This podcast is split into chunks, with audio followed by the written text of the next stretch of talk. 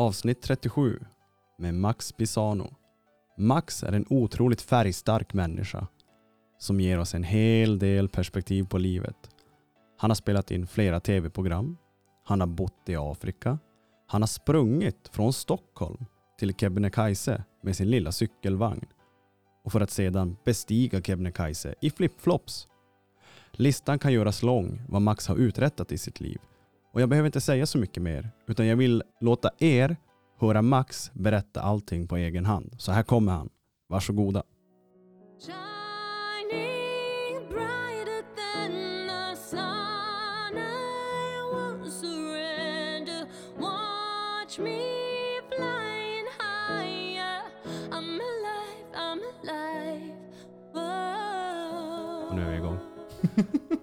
Fan, vi måste börja med en skål va?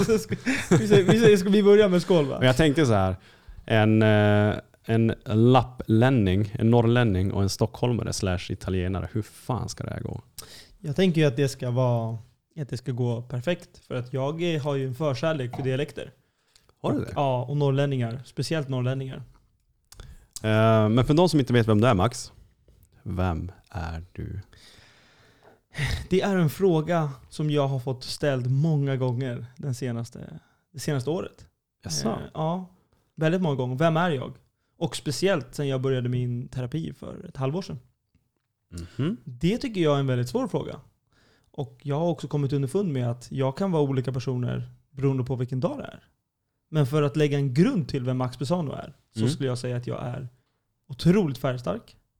Det är du. Jag, det är. jag eh, är enkel, men otroligt komplicerad. Jag är ambitiös, men totalt prestigelös. Jag är allt i ett. Jag är li- Och om du får säga, om du ska utveckla det lite grann mm. och förklara mer lite konkret vad du menar när du säger så. Med ambitiös. Och samtidigt, Ja, så okej, så här.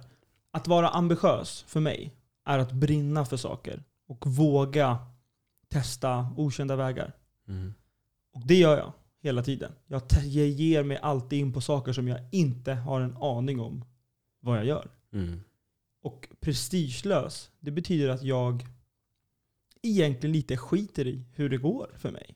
okej. Eh, Jag har ju varit med i tre tv-program Mm. Och jag har varit med eh, och alla de, jag har inte riktigt vunnit eller så, men jag tror aldrig att jag har strävat, strävat efter att vinna. Utan jag har mer gjort det som en skön grej och inte haft vinsten framför mig. Men när du, när du nämner tv, har du sökt till tv för kanske kändisskapet eller mer för som en utmaning för dig och kanske ta reda på mer vem du är som person? Jag, hade du frågat Max som var 18 år gammal så hade han sagt för kändisskap, kändisskapet. Men nu är Okej. jag 26 år gammal Mm. och eh, har kändisskapet och att skapa mig en bild, eller ge människor en bild av mig på grund av sociala medier, tv-program och liknande. Det är inte riktigt det jag jagar. Utan jag jagar utmaningar och eh, minnen. Mm. Nu kan jag ju säga att vi sitter ju här på min, eh, i min lägenhet på Ringvägen 98, Södermalm. Och om du tittar runt så tror jag att du kan se hundratals, om inte tusentals minnen. Jag har ju bilder från hela mitt liv över hela min vägg och citat från mina absoluta favoritartister. Ett av dem som jag sitter och tittar på nu är ju Är född med trubbel i mitt blod. Och det är ju Veronica Maggio som sjunger det. Precis. Och Veronica är ju, hon verkar vara nära båda till oss. Hon verkar vara Hon väldigt nära. sitter, hon sitter på min arm Hon sitter och hon sitter på dina väggar. Yes, exakt. Och hon sitter väldigt djupt i mitt hjärta. Hur kommer det sig att det är just Veronica? Är det på grund av texterna? Tror att när jag var liten så började 2006 när hon släppte sitt första album. Då var jag 12 år gammal. Eh, Bröd och vatten. bröd och vatten. Yes. Just det. Och jag ska faktiskt inte alls ta mig åt credden för det. Utan jag har gått igenom hela mitt liv utan att veta det. Men min tvillingbror, som antagligen älskar att sätta mig på plats, lärde mig det. Och frågade mig en kuggfråga. Jag hade inte rätt. Så en big up till min tvillingbror Simon då.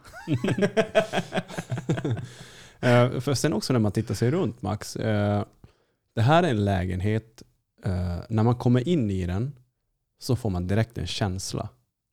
Och samtidigt som man är här inne och pratar med dig, när man hör din röst, hur, man, hur du välkomnar mig, så får man ganska snabbt en känsla av lite hur du är. På något sätt, alltså jag känner ett djup när jag kommer in här. Jag ser ju någon som älskar livet. Till exempel det där ansiktet, är det någonting du har hämtat hem från Afrika eller? Det, för det ser ju ut som någon sån här typ stamgrej. Mm. Är det det?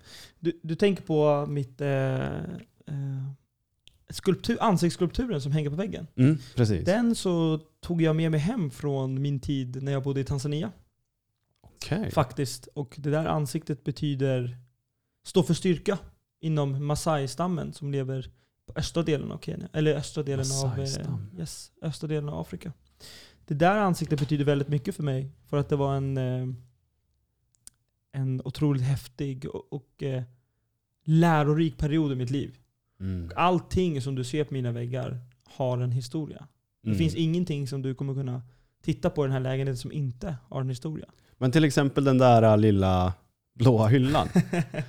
för, för det är ju väldigt blandade saker. Absolut. Jag har, jag har inte någon riktig stil här, men den blåa hyllan, det är en badrumshylla som min mormor och morfar hade nere på Österlen när jag var liten. Mm. Jag var tyvärr 5-6 år när de båda gick bort. Så att jag har Okej. inte så jättemycket minne med dem. Mm. Men jag har vissa saker i lägenheten som jag har väldigt klara minnen av till dem och med dem. Åh, jag får nästan gåshud. Mm. Och det... ehm, Och då är det det blåa skåpet som blev ett sånt där minne då. Absolut. Och det blåa skåpet skulle jag säga symboliserar min morfar väldigt mycket. Jag har många gånger i mitt liv tänkt tillbaka att fan vad jag skulle vilja spendera mer tid med min morfar. För att han var en otroligt härlig människa. Mm. Ehm, nu har jag den absolut bästa relationen man kan tänka sig till min farfar. Mm. Men jag fick aldrig tiden eller möjligheten att skapa en relation till min morfar. Och det Mm. tyng, inte tynger mig, men jag tänker tillbaka på det väldigt mycket. Att så här, det hade jag velat göra. För du var ju så pass ung. Ja exakt, jag var ju bara fem, sex, han gick bort för fem, fem år var jag när han gick bort. Ändå att du liksom kan snappa upp att fan, att det, att det känns på dig när du, när du berättar att trots att du var så ung så kändes det ändå på något sätt tungt för dig. Mm. Det senaste året i mitt liv så har jag gått igenom mycket djupa saker. Jag har varit, vad jag tycker, är liksom längst ner på botten. Och då kan jag också identifiera mig mer med eh, min historia och min sociala Mm. bakgrund. Och en stor del av min sociala bakgrund är ju på grund av min morfar. Han var konstnär. Han Mm. eh, var nudist, eller inte nudist så, men han var naken på stränderna om man säger så. Han Okej. var väldigt, väldigt stor man och hade ett vitt skägg och vitt hår. Lite som jultomten. Och Mm. var en otroligt härlig man. Eh, karisma, väldigt speciell. Gillade alkoholen väldigt mycket. Så jag tror att vi har det gemensamt. Med tanke på att jag sitter här med ett glas rött i min hand nu och eh, njuter av det. Vart kommer din eh, italienska sida ifrån? Hur långt bak? Är, men du är född i Sverige? Jag är född i Sverige. Ja, exakt. precis. Så, men vart kommer din italienska sida ifrån? Min italienska sida är ju min farmor och farfar. Mhm. Vilket jag egentligen aldrig säger farmor och farfar. För mig heter de nonna och nonno, vilket är farmor och farfar på italienska. Mhm. Så det är väldigt sällan jag säger farmor och farfar. Men jag tänker att jag ska ändå få folk att förstå vad Ja. jag pratar om nu. Ja, ja, men precis. Mm. Och eh, jag vet inte om det är din italienska sida som kanske sätter lite prägel på hur du är och, och liksom hur du välkomnar mig och liksom hur du är i, i sociala sammanhang. Tror du att om du inte hade haft den italienska sidan, hade du varit samma som Svenne om man säger så? För det är annorlunda att gå in i ett rum där Max Pisano sitter. Det är det. ja, det är, jag tar det som en komplimang. Det är en komplimang. Eh, jag, du, du har nog hört om det här eh, som är ganska vanligt när man var liten, att om man, om man var hos en, eh, hos en svensk kompis så, Mm. och så satt man på rummet och lekte så kan mamma och pappa komma och säga nu är det middag. Mm. Och så fick man sitta och vänta i, i, i, i rummet. Mm. Och, och det var den svenska sidan. Men alla mina utländska kompisar, där var det, du vet, nu kommer du till matbordet och så äter du allting. Och så var det ju en festmåltid varje måltid. Mhm. Och eh, jag tror att det italienska inom mig är väldigt inbjudande. Nu Mm. sitter inte jag här och säger att den svenska sidan av mig, eller min mamma, eller de svenska delarna av mig inte är lika inbjudande. Det handlar inte om det. Det handlar mer om em, vad jag definierar som bekvämlighet och öppenhet. Mm. Och det här att det, det är fest varje gång du kommer till mig. Det här är första Mm. gången du är hos mig. Mm. Men varje gång du kommer till mig så kommer det vara likadant. Oavsett vad vi ska Mm. göra. Du kommer alltid komma hit, kasta in dina saker eh, i mitt rum och där sover du. Och Du tar soffan. 100%. Alltså det är en självklarhet. Det är en självklarhet. Nej, men men det är, en, det är en jättefin känsla att komma hit första gången. Och, och sen tänker jag så här, eh, eftersom, jag, eftersom att jag inte vet nästan någonting om dig Max, så tänker jag så här, du berättade att du har bott i Tanzania, hela din vägg är fylld med det är Hawaii, det är Afrika, det är, det är så mycket.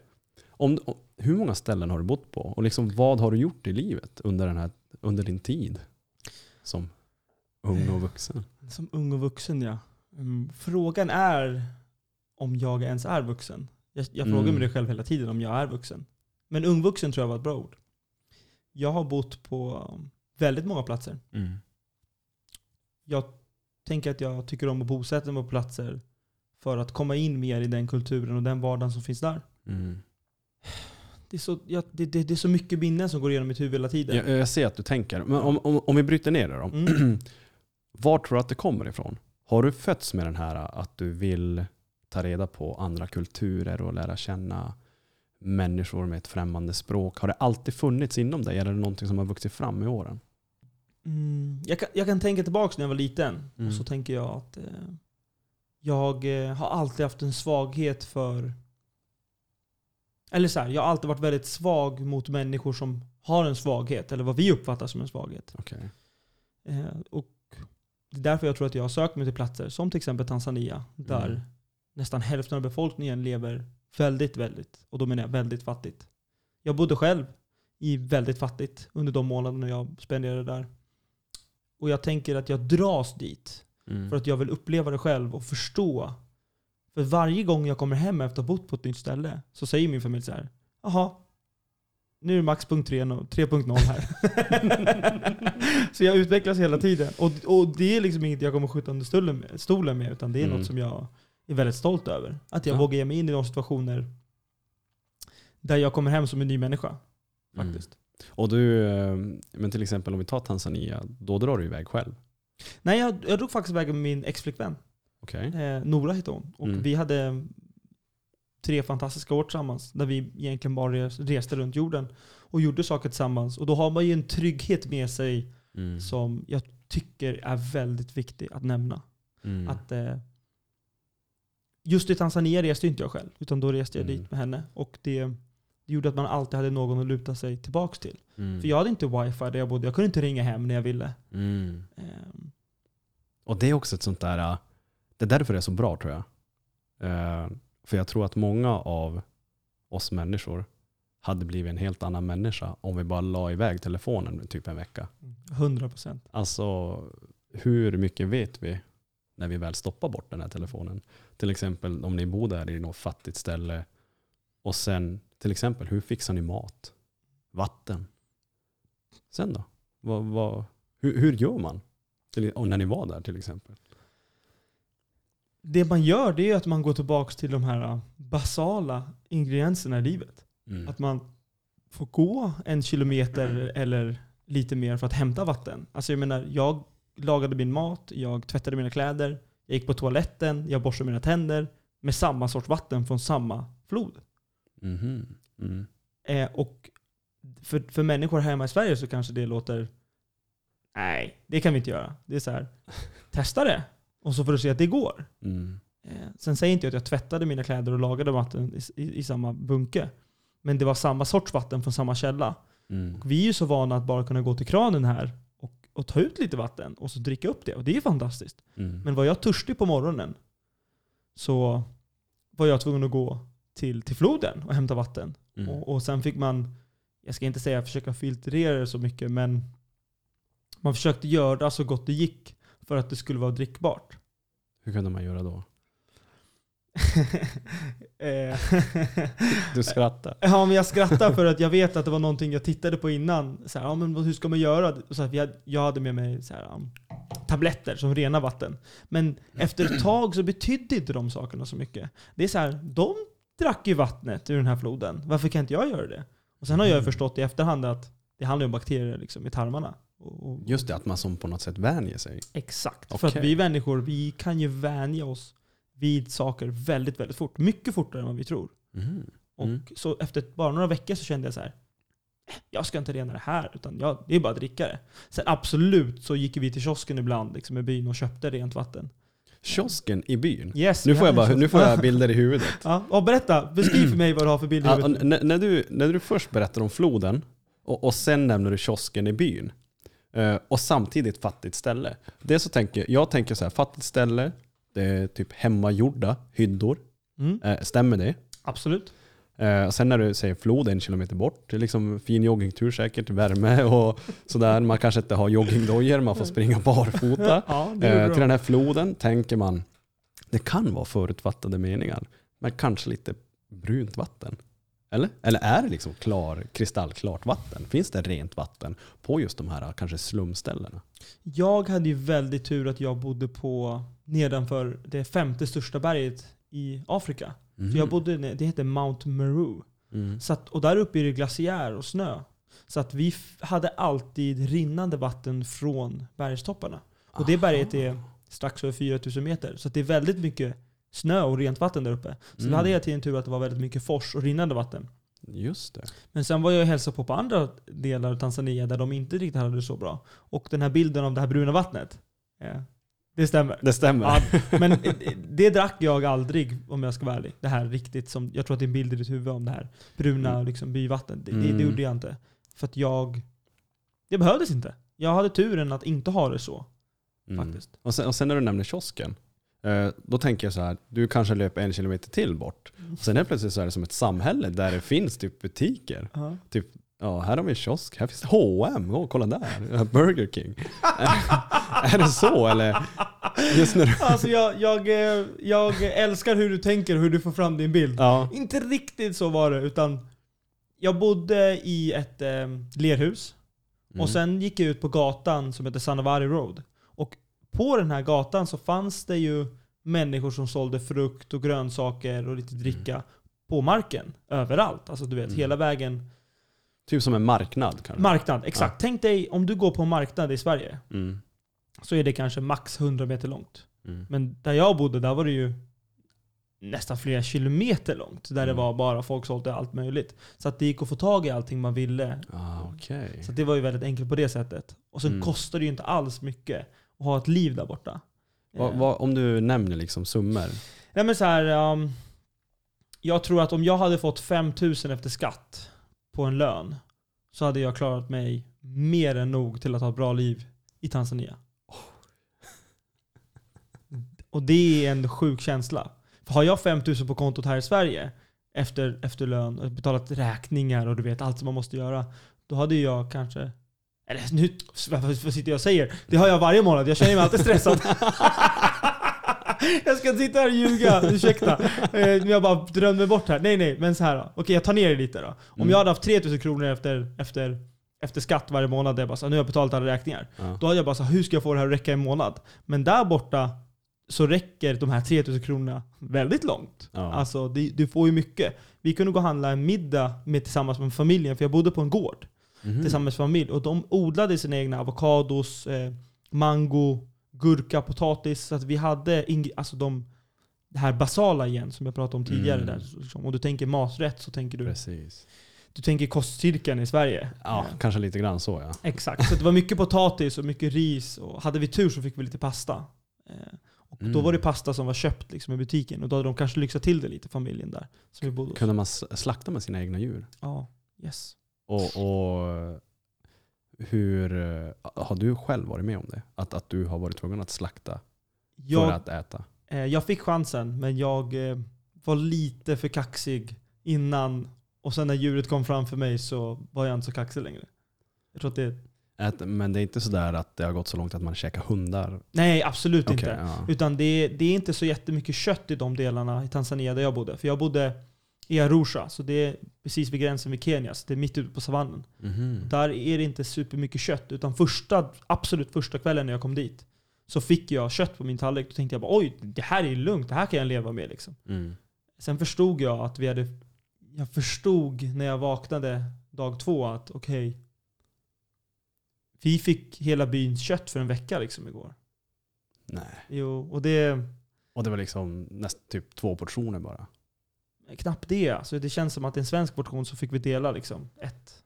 En, och det... Jag uppskattar det. Att de hälsade oss masungos kallas det. Så vit människa, masungo. Mhm. Där borta i, i Tanzania. Mm. kallas det masungo. De hälsade oss musungos välkomna med kött.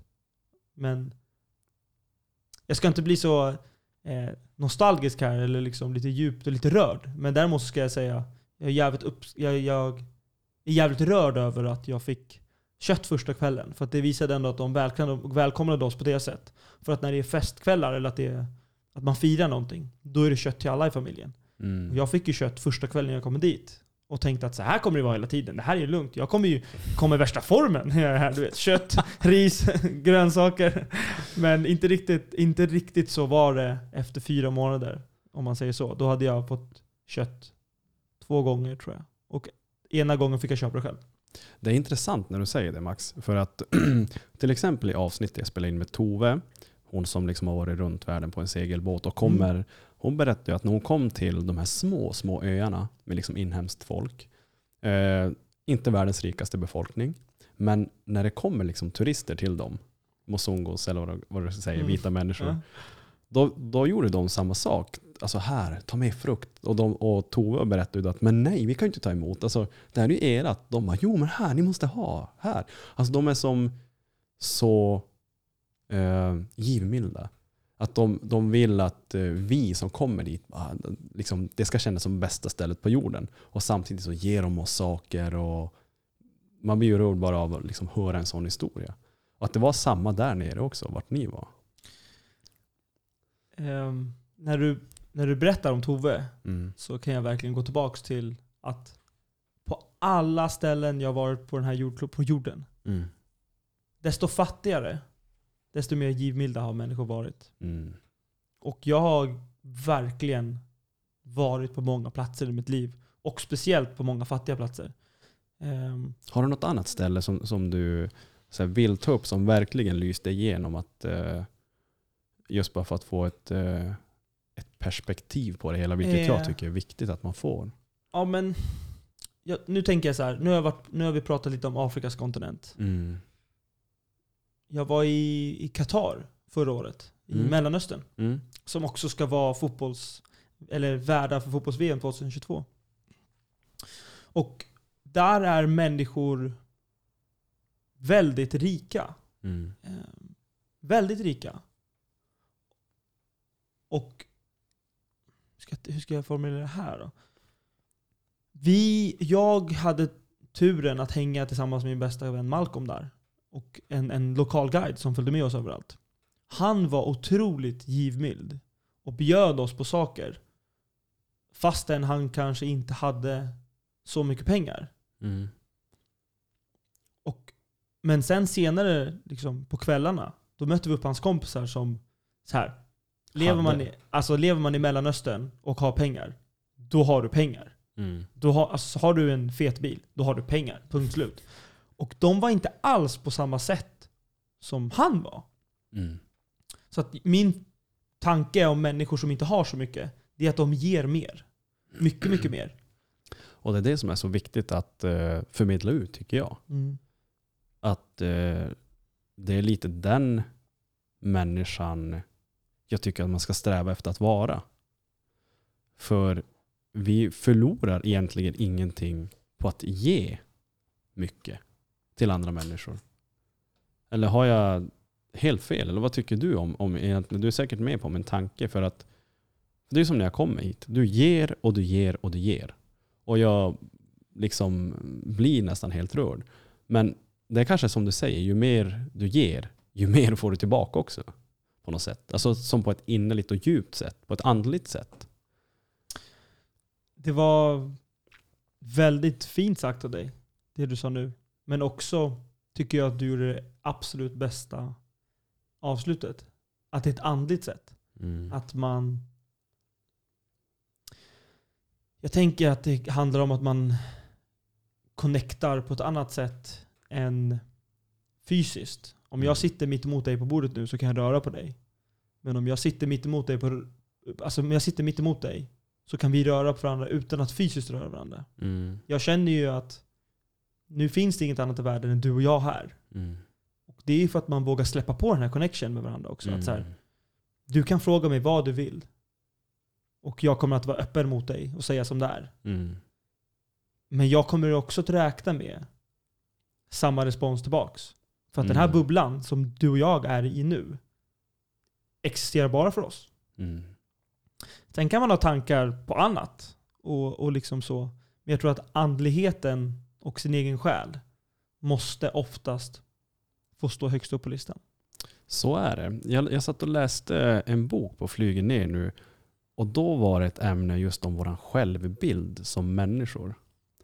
Att eh, vårt liv blir oftast inte bättre än den självbild vi har om oss själva. Till exempel om man har folk som, om vi tar folk som eh, hela tiden klagar på att typ till exempel eh, folk är bara emot dem och, och alla är emot en och ingenting går min väg och huff, fan jag har så rätt men ändå går det så fel. Har man den självbilden så kommer det aldrig gå bra för dig heller. Och liksom, det här är ju din självbild, den här andliga bilden. Och liksom, när jag kom in här så känner jag att det här är ju ingen påhitt. Absolut inte. Det här är ju den du är. Och det är det som är så viktigt. Det är därför jag började snöa in bara på självbilden. Att det här, vi måste söka det här äkta i livet. Att, eh, ja men kanske hela, du känns ju som en människa som faktiskt kan kolla sig i spegeln, kan ran, ransaka sig själv. Och liksom erkänna för sig själv att, ja men fan det jag gör nu, är det, gör det mig till en bättre människa varje dag? Till exempel. Och det är det man känner när man träffar dig. Att du har rannsakat dig själv. Du har hittat dig själv. Du har en god självbild. Och därför kan du ge så jävla mycket. Och därför blir det en andlig upplevelse. Nu blev det en lång, lång förklaring om hela, hela bilden. Men det, men det ligger det. någonting i det. Mm. Det gör ju det. Och jag, jag tycker verkligen om det du säger. Mm. Och det känns ju som att du... Nu har ju du och jag inte en så lång historia tillsammans. Nej, vi men har inte vi det. har en, en djup historia. Åh ja. Och när jag lärde känna dig så tog det ett bra tag innan jag ens frågade så här. Men vad jobbar du med? Precis. Eller så här, hur bor du? Eller, eller så här. Vad är din favoritfilm, vad är din favoritfilm Pontus? Frågar du mig nu? Nu liksom? frågar jag dig. Ehm, Om du Eh, har någon såklart. Jag har, alltså jag är ju en kille som för det första bölar till film. Grinar låter finare. Fantastiskt. Ehm, jag grinar till serier. Jag kan grina till ehm, låtar. Jag är en, alltså mina känslor sitter nästan utanpå kroppen. När någon säger favoritfilm till mig så tänker jag direkt på Fast and Furious. Varför gör jag det? Eh, Många säger att det är överdrivna filmer. Det är sån full jävla action och det är flygande bilar och det är ubåtar och vice versa. Men på det sättet jag har satt mig in i Fast and Furious, just det med Paul Walkers död och hur det har utspelat sig allting. På något sätt så blir det ens familj. Även om jag inte känner Vin Diesel och Paul Walker. Så på något sätt, så varje film så är jag fängslad. De har fångat mig totalt. Inifrån och ut. Så därför säger jag nog Fast and Furious. Även om det är en filmserie så är det bland det bästa jag vet. För att det träffar mig så jävla hårt på något sätt. Just för att jag också, jag drömmer ju också om ett liv där jag kan hitta den här samhörigheten till någonting. Till en familj, till vännerna. Att göra allting tillsammans. Jag tror att det kommer mycket också från hockeyn. Där är man ett lag. Ni gör allt tillsammans. Ni hänger och ni, ni vinner, ni förlorar, ni gråter, ni skrattar. Allting gör man tillsammans. När man lägger ner hockeyn så tappar man det. Och ens vanliga kompisar hemma har inte det tänket. Att man inte kanske gör så mycket ihop utan man ska ta en hemmakväll och kolla Netflix för man är så sliten efter jobbet. Oh, jag, vet, inte, jag kan spy bara jag tänker på det. Men just det där, alltså för jag drömmer ju någonstans om att eh, hitta det där. Den här samhörigheten och kärleken till något så starkt. att ingen kan bräcka det. Nu kommer jag just från en separation och det var lite samma där. Vi hade gjort upp vår plan. Liksom till och med en skriftlig plan hur vart vi skulle vara om tio år. Det som är jobbigt efter separationen det är att kärleken som jag ändå satte ner och drömmarna jag hade, det hårda jobbet jag gjorde var ju för att vi som familj skulle få det så bra som möjligt. Och därför kan det på något sätt kännas jobbigt när man tappar det där. Alltså det liksom var så nära. Så det är just det. Nu blev det en lång, ett långt svar på favoritfilm. Men du förstår vad jag menar. Ja. Och eh, då, jag tänker så här rätt spontant. Om jag säger till dig, nu, här och nu. Vad är din favoritfilm? Tror du verkligen att jag menar så här? Vad är din favoritfilm? Mm. För att jag har ju förstått, börjat förstå dig tillräckligt bra att Mm. veta att ett svar av dig, av någonting så djupt som en favoritsak, kommer inte bara handla om det Saken. är saken. Utan Precis. det är, inte, det är inte titeln. Utan det en, finns en mening bakom allt. Mm. Och om det är någonting jag har lärt mig genom livet, så är det att det finns en mening bakom allt. Mm. Om du är i skiten, vilket många människor är, och då menar jag verkligen längst ner på botten, så finns det nog en mening varför du är där. Mm. Och det jag har gjort i mitt liv, som du tog upp tidigare, det är att jag har rannsakat mig själv så många gånger, när jag har varit i skiten, att jag kan titta tillbaka på mig själv och säga, okej, men hur var det i den här stunden Max? Mm. Det jag gör också, det är ju att jag när jag har väldigt, väldigt lyckliga stunder också frågar mig varför är jag lycklig i den här stunden? Mm. För att jag tror ju inte på att man som människa kan vara lycklig. Det är skillnad på att vara lycklig och ha lyckliga stunder. Mm. Jag tror att man kan vara tillfredsställd och nöjd och må bra i livet. Men lycklig är ett ämne i kroppen. Det är endorfiner som sprutar dit. Det är dopaminet. Det är dopaminet. Därför menar jag att man får försöka hitta de här lyckliga stunderna. Så när man är på sin peak i livet av dopamin, fråga sig själv varför är jag här nu? Mm. För att då kommer det bli lättare att hitta tillbaka dit sen igen. Helt sant. Tänk- det är dagens du? sanning. Ja. Hänger du med vad jag menar? ja, verkligen. Och ehm,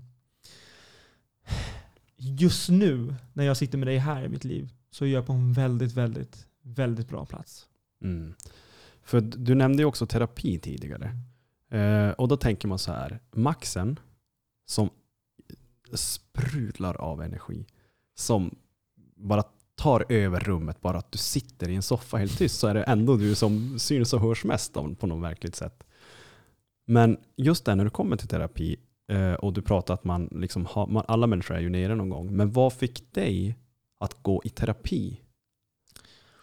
Det... Ehm, jag ska inte säga att det grundas i, utan bägaren rann över förra sommaren när jag eh, blev kär. Och sen Mm. gick det eh, piprätt åt helvete. Kan man säga så? Pip. Om- om- Ja, precis. Vad var det som hände? Jag träffade en tjej. Mm. Vi blev tokkära. Vi drog till Italien efter en vecka. Sån är jag. You go. och det är lite svårt att inte bli tokkär när man är i Italien. Speciellt om man är Okej. så kär i liksom pasta och vin och Mm. historia som jag är. Så då skapar man, jag skapade mig en romantiserad bild av hur det skulle vara att leva livet med den här personen. Och sen så blir inte alltid livet som man har tänkt sig. Och Mm. det är helt okej. Men jag, i den perioden jag var i mitt liv, kunde inte hantera det. Så att jag blev väldigt eh, självdestruktiv. Och Mhm. eh, satte mig i väldigt, väldigt djupa tankar och mörka tankar. Och gjorde, eller jag skadade mig själv. Inte skadade mig fysiskt, men jag eh, valde att vara kvar i mörkret och ångesten. Mm. Och eh, att eh, jag visste, jag har, jag har alltid haft otroligt bra förutsättningar genom min familj. Mm. Att, eh, att rädda mig själv ur sådana här situationer. Men jag valde att inte göra det just då. För att jag kände att det var någonting större på väg i min kropp, och mitt hjärta och min själ. Mm. Så att jag eh, satte mig själv i botten genom att inte våga prata om det. Och Mm. inte våga berätta för människor hur egentligen jag mådde. Sen går det alltid en tid när man mår dåligt. Där man kanske inte sover så mycket, man, man äter inte så bra och man börjar fokusera på andra saker i livet. Och det jag började fokusera var på saker som jag inte reagerade så mycket på egentligen. Vad kunde det vara för saker? Det kunde vara att ge mig ut på väldigt, väldigt långa springturer. Mm. Och eh, att jag är en beroende människa på många, på många sätt, det tror inte jag. är- Det går, liksom, det går nog inte att missa. Mm. Jag tycker om allt. Och när du hittar en grej, då är det all in. absolut. här och nu. Ja, ja, absolut. Jag, jag har ju tänkt många gånger i mitt liv så här, "Ah, jag kanske har en släng av autism. För att jag bara blir så fokuserad. Mm, så på min manisk. uppgift. Som otroligt manisk. Alltså, du, Mm. du förstår inte hur manisk jag kan bli. och, eh, och, och det var väl där liksom löpningen och hela, alla mina äventyr med löpningen kom in. Men bara snabbt tillbaka där till, Terapi. till terapin. Mm. Så det gick ett tag där jag tänkte att jag skulle ge mig in i terapivärlden. Och, eh, men att ge sig in på okänd mark, det är inte alltid så här superlätt. Mm. Eh, Och eh, jag tror att du kan förstå vad jag, när jag menar att det är det, är, det, är det obekväma som gör det bekväm. Mm. Men att ta sig till det obekväma, det är inte alltid superlätt. Så det, är det då själva samtalet, liksom stegen till terapikontoret eller terapirummet, är det det som vart det jobbiga för dig? Eller var det jobbiga när du väl satte dig i stolen och nu ska du öppna dig? Jag tänker nog dra en större parallell där till livet Mm. och prata om vad det gäller i livet. Mm. Det, det absolut svåraste är att ta första steget. Mm. I alla kategorier. Jag tror inte att det finns en människa på den här jorden som kan säga emot det. Det första steget är det tuffaste. Mm. Men då har du tagit ett steg åt rätt riktning. Mm. För att jag ville någonstans med mig själv. Och du tog upp det tidigare. Självkänslan. Mm. Jag ville någonstans med min självkänsla. Och jag kände att jag skulle vilja börja om på en ny ruta. Därför valde jag att söka terapi Mm. för strax över ett halvår sedan. Mm. Och eh, få prata med en människa som absolut inte har en bild om vem jag är Mm. och vad jag står för. Utan man får, man får börja om helt enkelt. Och det har ju hjälpt dig som jag förstår det. Något otroligt mycket. Ot- Otroligt mycket. Eh, På- Det har gett mig verktyg till, till att ha den självbilden av mig Mm. själv som jag har idag. Jag, jag tänkte faktiskt på det häromdagen när jag var ute och sprang. Att, ehm, jag tror aldrig jag har haft en så bra självkänsla och en så otroligt bra självbild som jag har nu. Mm. Och det var en väldigt eh, härlig känsla. För jag tror att jag, aldrig, jag, tror inte, jag, jag tänker att jag inte har lagt märke till det tidigare. Mm. Men jag känner mig väldigt eh, stark. Jag känner mig väldigt öppen med mina känslor. Jag känner mig väldigt attraktiv. Jag tänker att jag kan gå på gatan och kolla ett skyltfönster och bara Fan, vad snygg Looking, du är. yeah, looking good man. Looking good man! Exakt! Ursäkta. Men jag kan också säga att nu tittar jag inte längre bara i självfönstret och säger så här, Fan Max, idag är du snygg. Mm. Utan jag, tänk, jag kollar på mig själv i det här skyltfönstret och så säger jag så här, Idag mår du bra. Mm. Och det är ju en helt ny känsla. För jag tänker att alla kan känna igen sig i, i tanken om att gå på ett skyltfönster och bara Idag är jag snygg. Men jag tror inte att alla kan säga så här, Idag mår jag bra. Mm, det, det, är, det är sån stor skillnad på det du säger Max. Att kunna... Jag tror många kan säga att de mår bra. Men hur bra mår vi egentligen? Och det känns som att du har lite varit där. Att hur bra mår jag Max egentligen? Och på senare tid så har du hittat vad bra egentligen innebär. Och nu så vet du vad det innebär. Och du vet hur jävla skönt det känns att, eh, jag ska inte nämna lycklig, men just känna den här tryggheten. För det är på något sätt en trygghet som kommer inifrån. Allting börjar inifrån. Och så är det liksom med mående, med hur vi beter oss. Allting kommer inifrån. Och nu är du den, just idag, den Max som sitter här idag mitt emot mig. Du är den bästa Max du kan vara just nu. På något sätt. Exakt så. Och, och, Jag ler ju bara du säger det. ja, För, för, för att jag, eh, jag känner ju det du säger. Så Mm. mycket. Jag, jag tar inte bara in det, utan jag, jag tar in det och sen så får det ligga kvar där. Och sen känner jag det. ja. Men det är inte alltid lätt att känna. Det är jävligt tufft att Mm. känna saker. Och det kan vara vad som helst. Mm. Att våga fånga ett ögonblick till exempel, som när jag möter upp dig på Ringvägen tidigare idag. Att våga känna att fan, jag har ju saknat Pontus. Jag har ju saknat hans närhet, hans kärlek, hans värme. Sen bara kastar jag in dig i min värld. Mm. Men man får vara i ögonblicket Oh ja. så länge det känns okej och så länge det känns bra. Oh ja. Det är så jävla viktigt att hitta det där här och nu. Eh, brukar du meditera någonting? Eller har du fått någon liksom, hjälp eller när du har varit runt jorden att du har testat på att hitta just det här fokuset här och nu? Meditation, mindfulness. Jag ska inte riktigt säga... Eller så här, jag tror att den allmänna uppfattningen om meditation är att man sitter ner, stänger sina ögon och kanske lyssnar på någon bra musik, eller så här, lugn musik och yogamusik. Mm. Det ska jag inte säga att jag har testat, för det har jag faktiskt inte gjort. Men jag är ju ute varenda dag Mm. och springer väldigt, väldigt långa springturer. så att eh, om det är någonting som är återkommande i min terapi så är det hur bra träningen är Mm. och hur bra träningen gör mig. Mm. Träningen är inte mitt liv. Men träningen är en väldigt stor del av mitt liv. So i don't wanna be that way anymore. This life that I've been living, living without color, ain't a life worth living. Men du min vän, din löpning som du nämnde och eh, du har ju som jag tycker man ska uppmärksamma, din löptur upp på Kebnekaise. Och det är inte så att du börjar i Nikkaluokta, nu ska jag ta mig upp på toppen. Du började i Stockholm.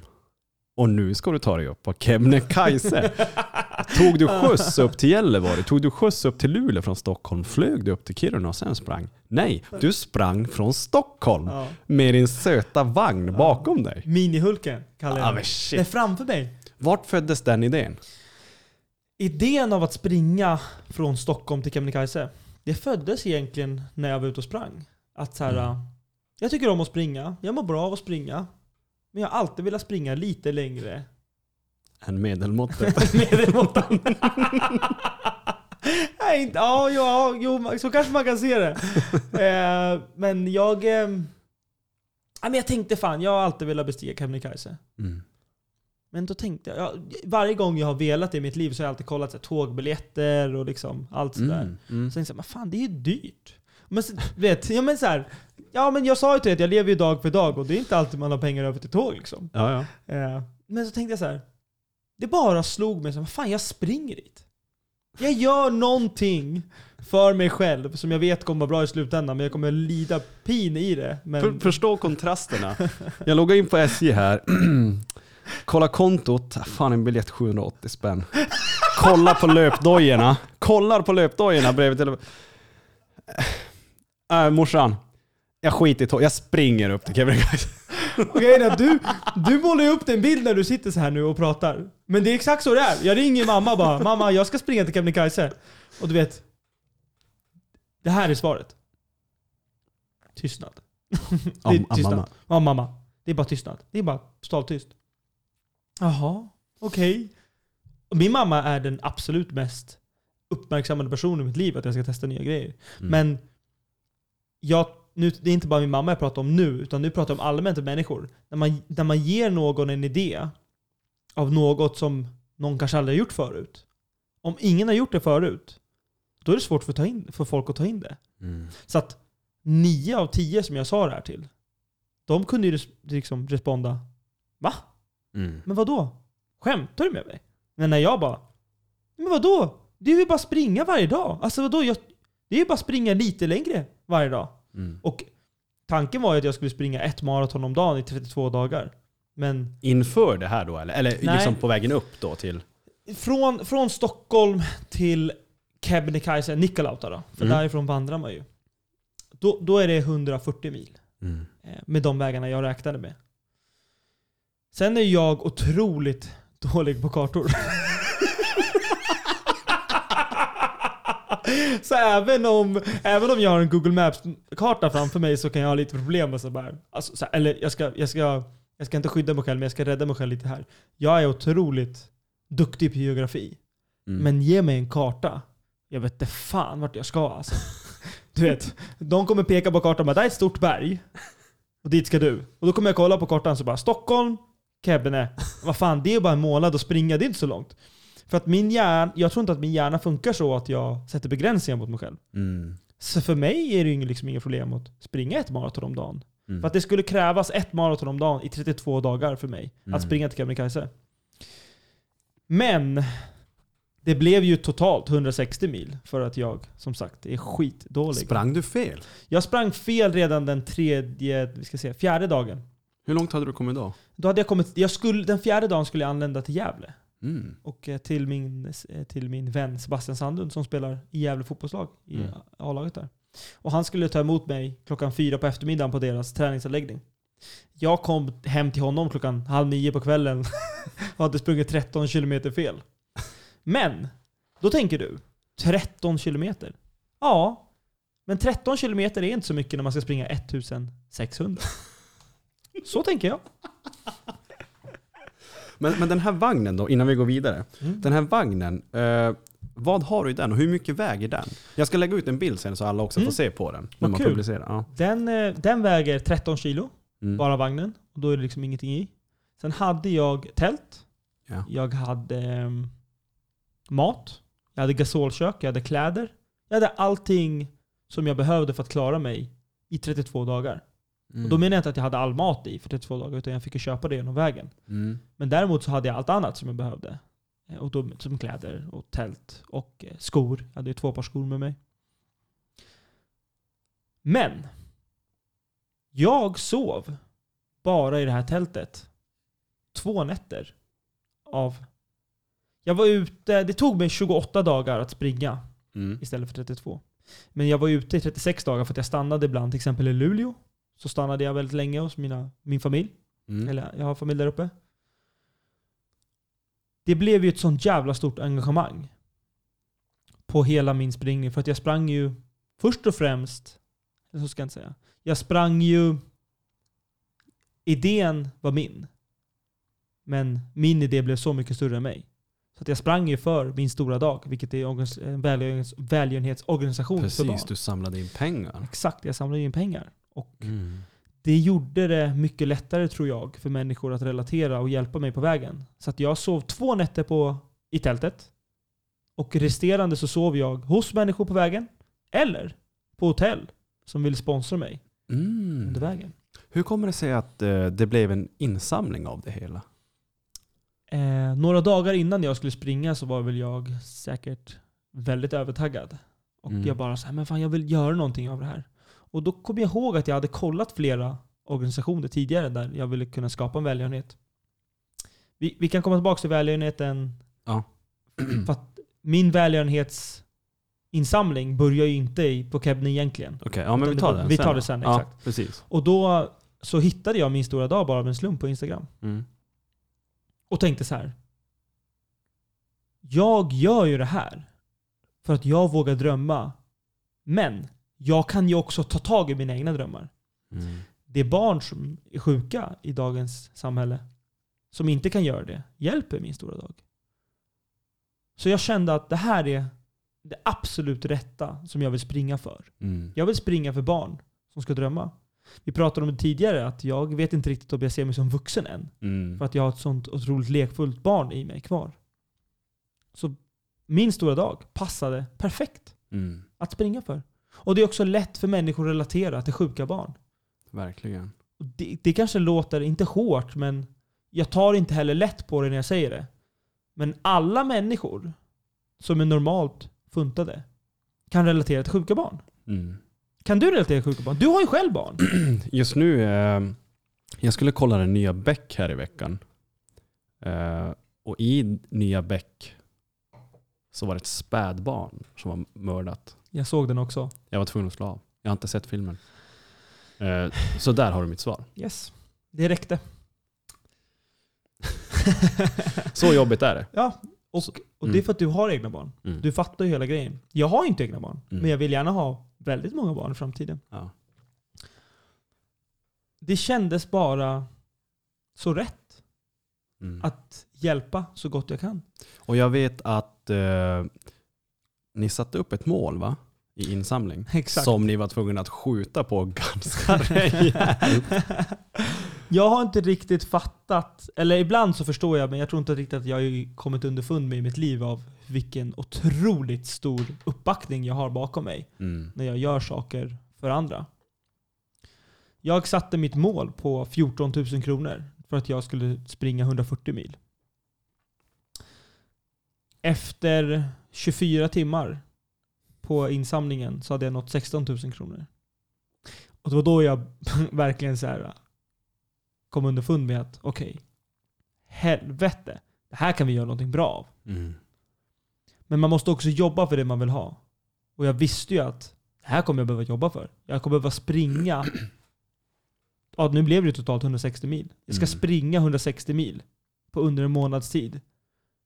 Så varje gång jag sprang där i en skog och det snöade och det var kallt och jag svor och sparkade min vagn eller liksom sparkade på träd.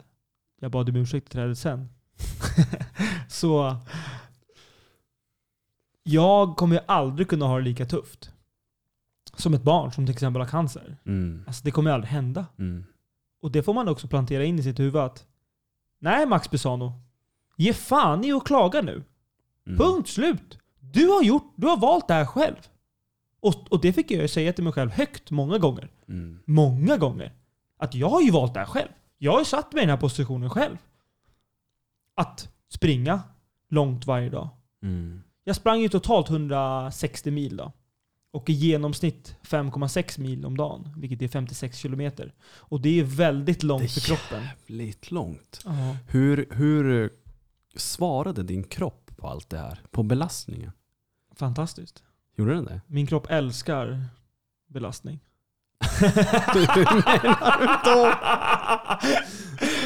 Det, det, det, ehm,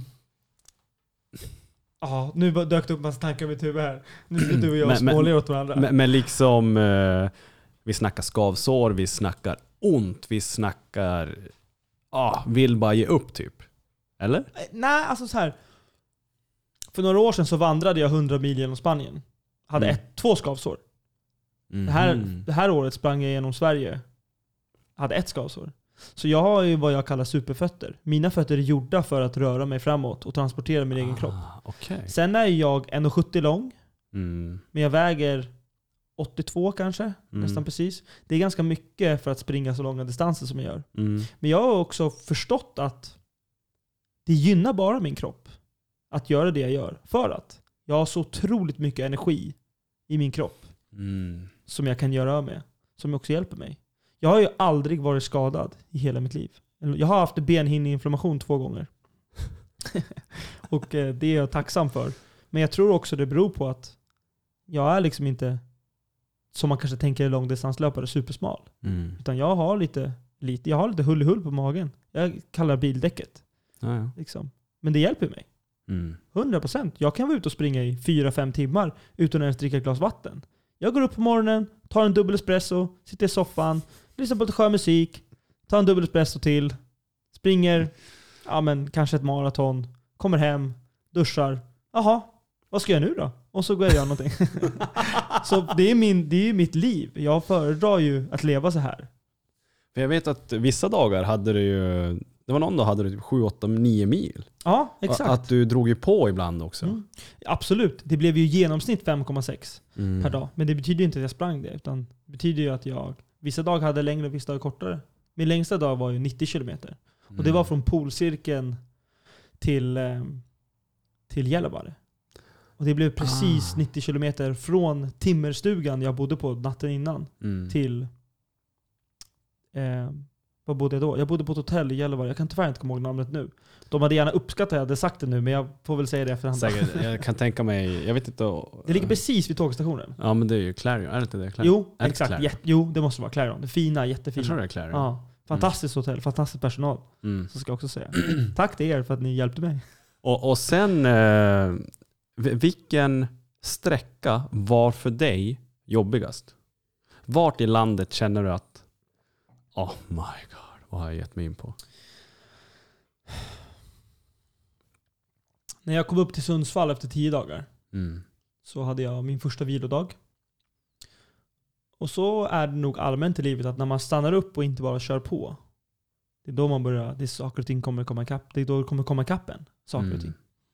Jag hade väldigt mycket känslor och oro i min kropp över hur det skulle gå, hur jag hade det hemma, min ekonomi, allting som egentligen inte betyder någonting i, i nuet, när jag var. Liksom, när jag låg i min hotellsäng. Men då ringer jag min tvillingbror Simon och så ringer jag min barndomsvän slash min bästa vän Viktor. Och då för första gången på väldigt länge så bara gråter jag Mm. med dem. Och är ärlig mot mig själv för första gången på tio dagar. Och då började jag förstå att de här tårarna kommer att göra mig starkare. Om jag bara släpper ut alla tårar. För att man kan gråta till en viss mängd. Sen kommer kroppen säga stopp. Mm. Men det finns alltid mer där inne. Och den parallellen kan jag dra till att så är det i livet också. Du kan ge mycket, men du kan alltid ge mer. När kroppen är trött, då har du 50% kvar. Så är det och det finns ett ordspråk som säger Don't cry to quit, cry to keep going. Exakt så. Uh, Okej, så, så där liksom, eh, jag som inte har varit på samma långdistans som du har varit, men jag liksom besteg ju Mount Everest i en Lossabacke. Det som händer, det som händer med mig, eller med hjärnan och, och med folk kan jag tänka mig, om du, om du kan känna igen dig, att hjärnan börjar säga det är okej att ge upp. Det är okej att ge upp. Du börjar gå i de här känslomässiga berg och dalbanorna och man vet inte riktigt vart man ska ta vägen. Kände du, jag tänker att du måste ha känt det på någon av de här milen. Det du beskriver nu beskriver ju väldigt bra exakt det man kände. Mm. Jag kände ju att jag var redo att åka hem efter 10 dagar. När jag visste att jag hade absolut över 20 dagar kvar. Men då får man också fråga sig själv. Varför? Mm.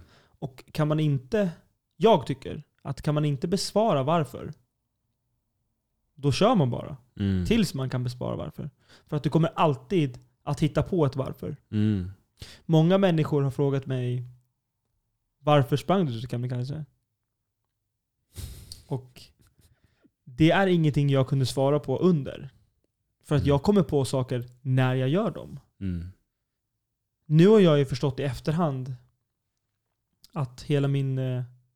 Vet du vad en walkabout är?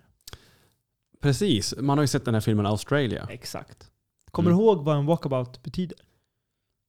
Det är, väl- alltså, jag kan ha fel. Är det en lång promenad? Ja, det kan man säga. Mm. Att, att, eh, att en... Eh, nu säger de här i filmen då, så det är lätt att beskriva. Att en, Mm. att en pojke ska bli man. Mm. Okej. Och för att en pojke ska bli en man. Nu kan jag ju bara... Jag refererar, jag refererar mig själv som en man. Mm. Så att jag kan ju bara referera som den lilla pojken innan. Att gå från en liten pojke till en man krävs väldigt mycket. Och att springa från Stockholm till Kebnekaise krävs väldigt mycket. Krävs en hel del. Det krävs att man facear sig själv. Och speciellt de problemen som jag själv bär på. Inte bara liksom, det vardagliga livet utan det som finns i det inre. Mm. Och jag tror att jag... Nu i efterhand så har jag verkligen kommit på att okej, jag har fått brottas med mycket i mitt liv. Inte alls på grund av liksom familjesituation eller det du kanske har pratat om tidigare i podden. För jag har haft en fantastisk familj. Mm. Jag har brottats väldigt mycket med mig själv. Mm. Vem jag är. Och som jag sa tidigare, jag kan fortfarande inte beskriva för dig vem jag är. Jag är den personen jag är i stunden. Mm. Om vi vaknar upp imorgon bitti du och jag i min lägenhet och så dricker vi en dubbel espresso och så går vi ut och springer. Då kommer jag säga att jag är en närvarande person. Men sen kanske vi sitter och äter på kvällen. Och du tycker att jag är helt gone.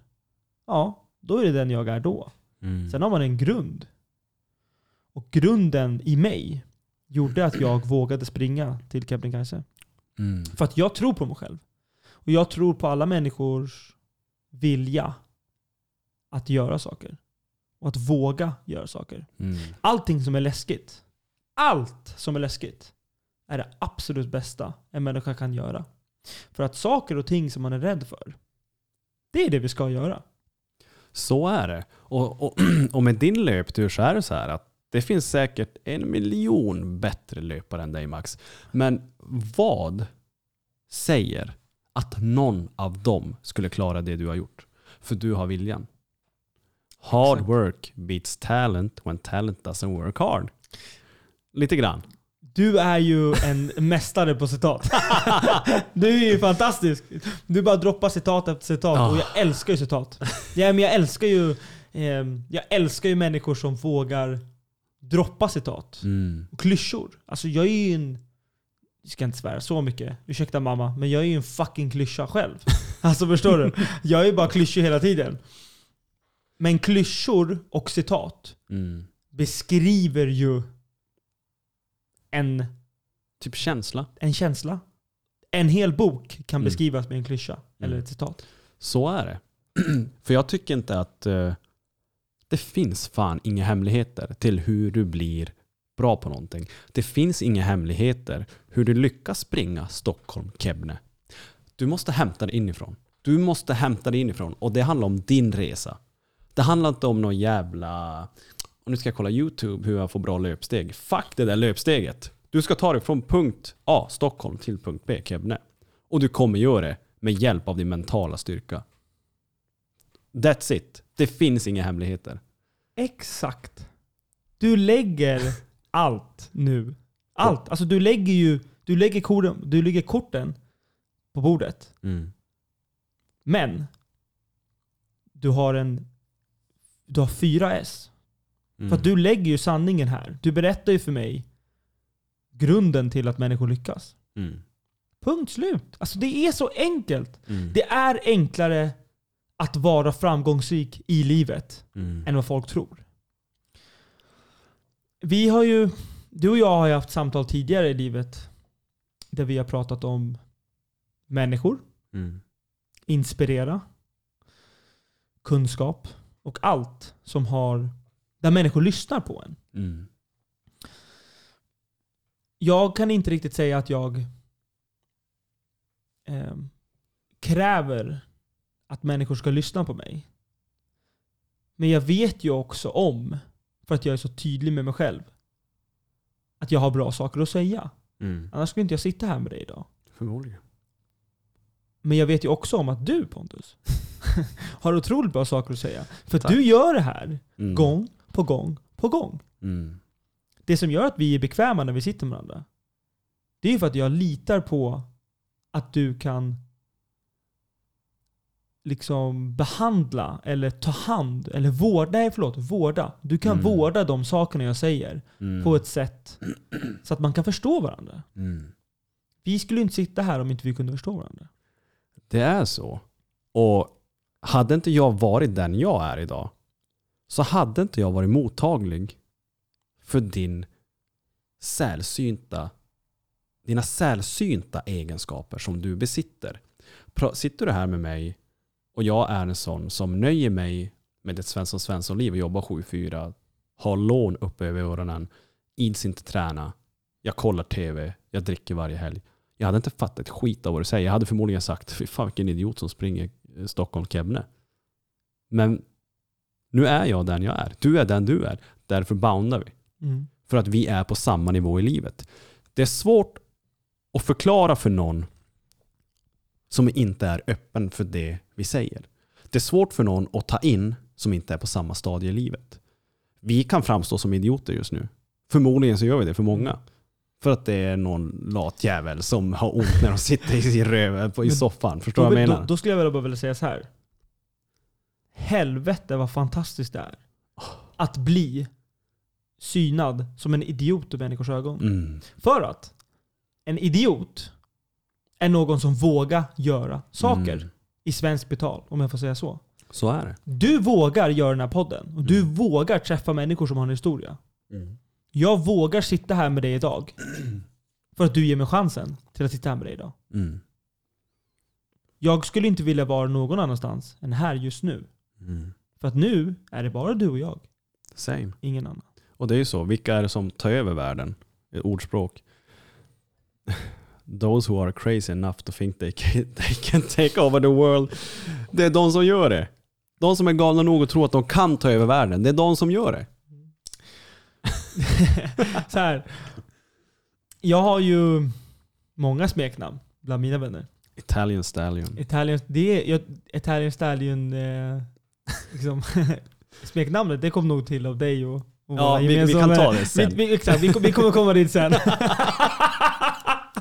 men, eh, men så här. Mina vänner kallar mig KK. Det är kungen av klyschor. Mm. Och jag blir också kallad eh, Max the Poet. För att Mm. jag bara ibland lägger grejer. Och sen blir jag också kallad... Vad fan var det sist? Virvelvinden. Mm. Virvelvinden betyder ju att jag säger saker till människor som betyder någonting. Okej. Men sen bara så, med vinden, så försvinner jag. Med det här vill jag egentligen säga att du, jag skulle vilja ge över KK till dig. För du har langat så mycket klyschor här idag. Att det är så jävla bra, det är så fantastiskt. Så att Pontus, du får ju från och med nu titeln KK. Och då betyder inte det knullkamrat, utan det betyder kungen av klyschor. Måste inte jag få ett godkännande av dina polare då? Nej, nej, nej, nej. För att jag har ju rollen. Det är, så att, det är som att om någon ger mig en krona, en kungakrona, till någonting. Mm. Då kan ju inte de som har gett mig rollen det Nej, är, så, just det. fan, det är så det funkar i, i demokrati ju. Att jag kan inte bara, om jag är statsminister kan inte jag bara ge dig statsministerrollen. Men i min värld så kan jag ge dig KK för att jag tycker att du levererar exakt det som man ska leverera under KK. Vilket är en hel del citat, för mycket klyschor, men också att man blir en kung i ämnet. Och det är du Pontus. Alltså jag, jag tar emot den här eh, eh titeln med ära. Med, eh, med ett ståtligt bröst och med, en, eh, med otroligt mycket kärlek. För jag vet vad det betyder för dig. Och eh, ju längre tiden går, ju mer inser jag vad det betyder. Och nu liksom har jag fått verkligen anspel på fan vad vi kan åstadkomma. Och Så länge vi vill så länge vi vill. Eh, jag måste bara fråga dig, hur var känslan när du väl kommer upp på toppen på Kebne? så här. När jag väl hade sprungit klart så var ju det en grej. Ursäkta. Men jag eh, gick ju inte bara upp som vanligt, om du kommer ihåg, på Kebnekaise. Utan jag, eh, jag sprang ju till Nikkaluoto, där jag mötte mina vänner. Mina absolut närmsta vänner stod där och väntade på mig, vilket var som att jag var en filmstjärna i min egen regisserade film. Vilket var fantastiskt. Men jag drog ju på mig ett par flipflops. För att jag besteg ju Kebnekaise i flipflops. Och då tänker du så här. Varför då? Och då är mitt svar. Varför inte? Exakt! Jag hyllar det svaret. Jag kommer inte ifrågasätta det. Nej. Jag vet att du inte kommer göra det. Det är det som är så skönt. Det är det då slipper jag sitta här och förklara den också. Men till de som undrar då? Okej, till er som undrar varför jag gjorde det i flipflops. Mm. Svaret är ganska enkelt. Och svaret är varför inte? Men jag kommer att ge er en förklaring. Jag har ju vandrat upp för Kilimanjaro, vilket är Mm. eh, Afrikas högsta berg. Och det gjorde jag i tiden när jag bodde i Tanzania. Och det är ju 5900 meter högt. Det var den absolut tuffaste fysiska utmaningen jag gjort i mitt liv. Mycket, mycket tuffare än vad det tog att springa till Kebnekaise. Det tog Mm. åtta dagar att beskriva Kilimanjaro, men det tog 32, 28 dagar att springa till Kebnekaise. Mm. Och då tänkte jag i min vildaste fantasi att, nej men vad fan. Att gå upp för Sveriges högsta berg som är 2000 meter, det kan, inte vara så, det kan inte vara så jobbigt. Så jag gör det i flipflops. Och det handlar ju om att jag kan vara väldigt kaxig till mina Mm. saker jag sätter igång i mitt liv. Mm. Men jag tänker ju inte alltid att kaxighet är något dåligt. Utan jag inte tänker att vågar man vara kaxig så kan man få resultat. Ger du ut i det okända så kan du bli vän med det okända. Och eh, det var ju sinnessjukt mycket snö på Kebnekaise. För att eh, jag och mina vänner vandrade ju upp den veckan efter extrem, extremskidåkarna hade slutat åka. Ah, okej. Och in, veckan innan alla vandrare hade börjat. Så att jag Mm. var ju där den 9 juni 2020, och, och det här året, och körde. Jag, min terapeut Daniel har väl sagt många gånger att äh, men det där är ett, eh, Det är ett självdestruktivt beteende. Precis. Att skada sig själv. För att det är så jävla kallt för fötterna. Sen hade jag ju dock strumpor på mig. Så jag liksom nästan tejpade ju på. Så att det blev sandaler i mina flipflops. Mm. Eh, Men jag skulle inte vilja säga att det är ett självdestruktivt beteende. Utan jag skulle vilja mer säga att... Varför inte? Du ska ta reda på vem du är. Exakt. Det, det är det här som folk inte förstår när det kommer till extrem väder, extrema extraordinary situations. Extraordinära situationer. Varför bestiger jag en Lossabacke 60 gånger för att få samma höjdmeter som Kem- Mount Everest? Varför bestiger du Kebnekaise i flipflops? På något sätt under den här, äh, som kanske vanliga folk kallar det, destruktiva resan, kanske självskadebeteende, så får folk som oss Max, vi får svar på saker och ting. Vi får upp en bild av oss själva. Som kanske inte vanligt folk förstår. Det här är en nivå av endorfiner, av eufori som inte går att sätta ord på. Det är någonting bara vi förstår. Och därför gör vi de här sakerna som ingen annan ens vill tänka sig. Jag, jag kan gå igång på att köra träningspass som folk blir rädda av. För att där vet jag, now I'm gonna find myself motherfucker. Förstår du vad jag menar? Alltså jag, jag sitter ju här mitt emot dig och bara nickar. Jag, Mm. jag tänker så här, mhm. Mhm. You're damn right boy. Ja. För att jag fattar ju vad du menar. Precis.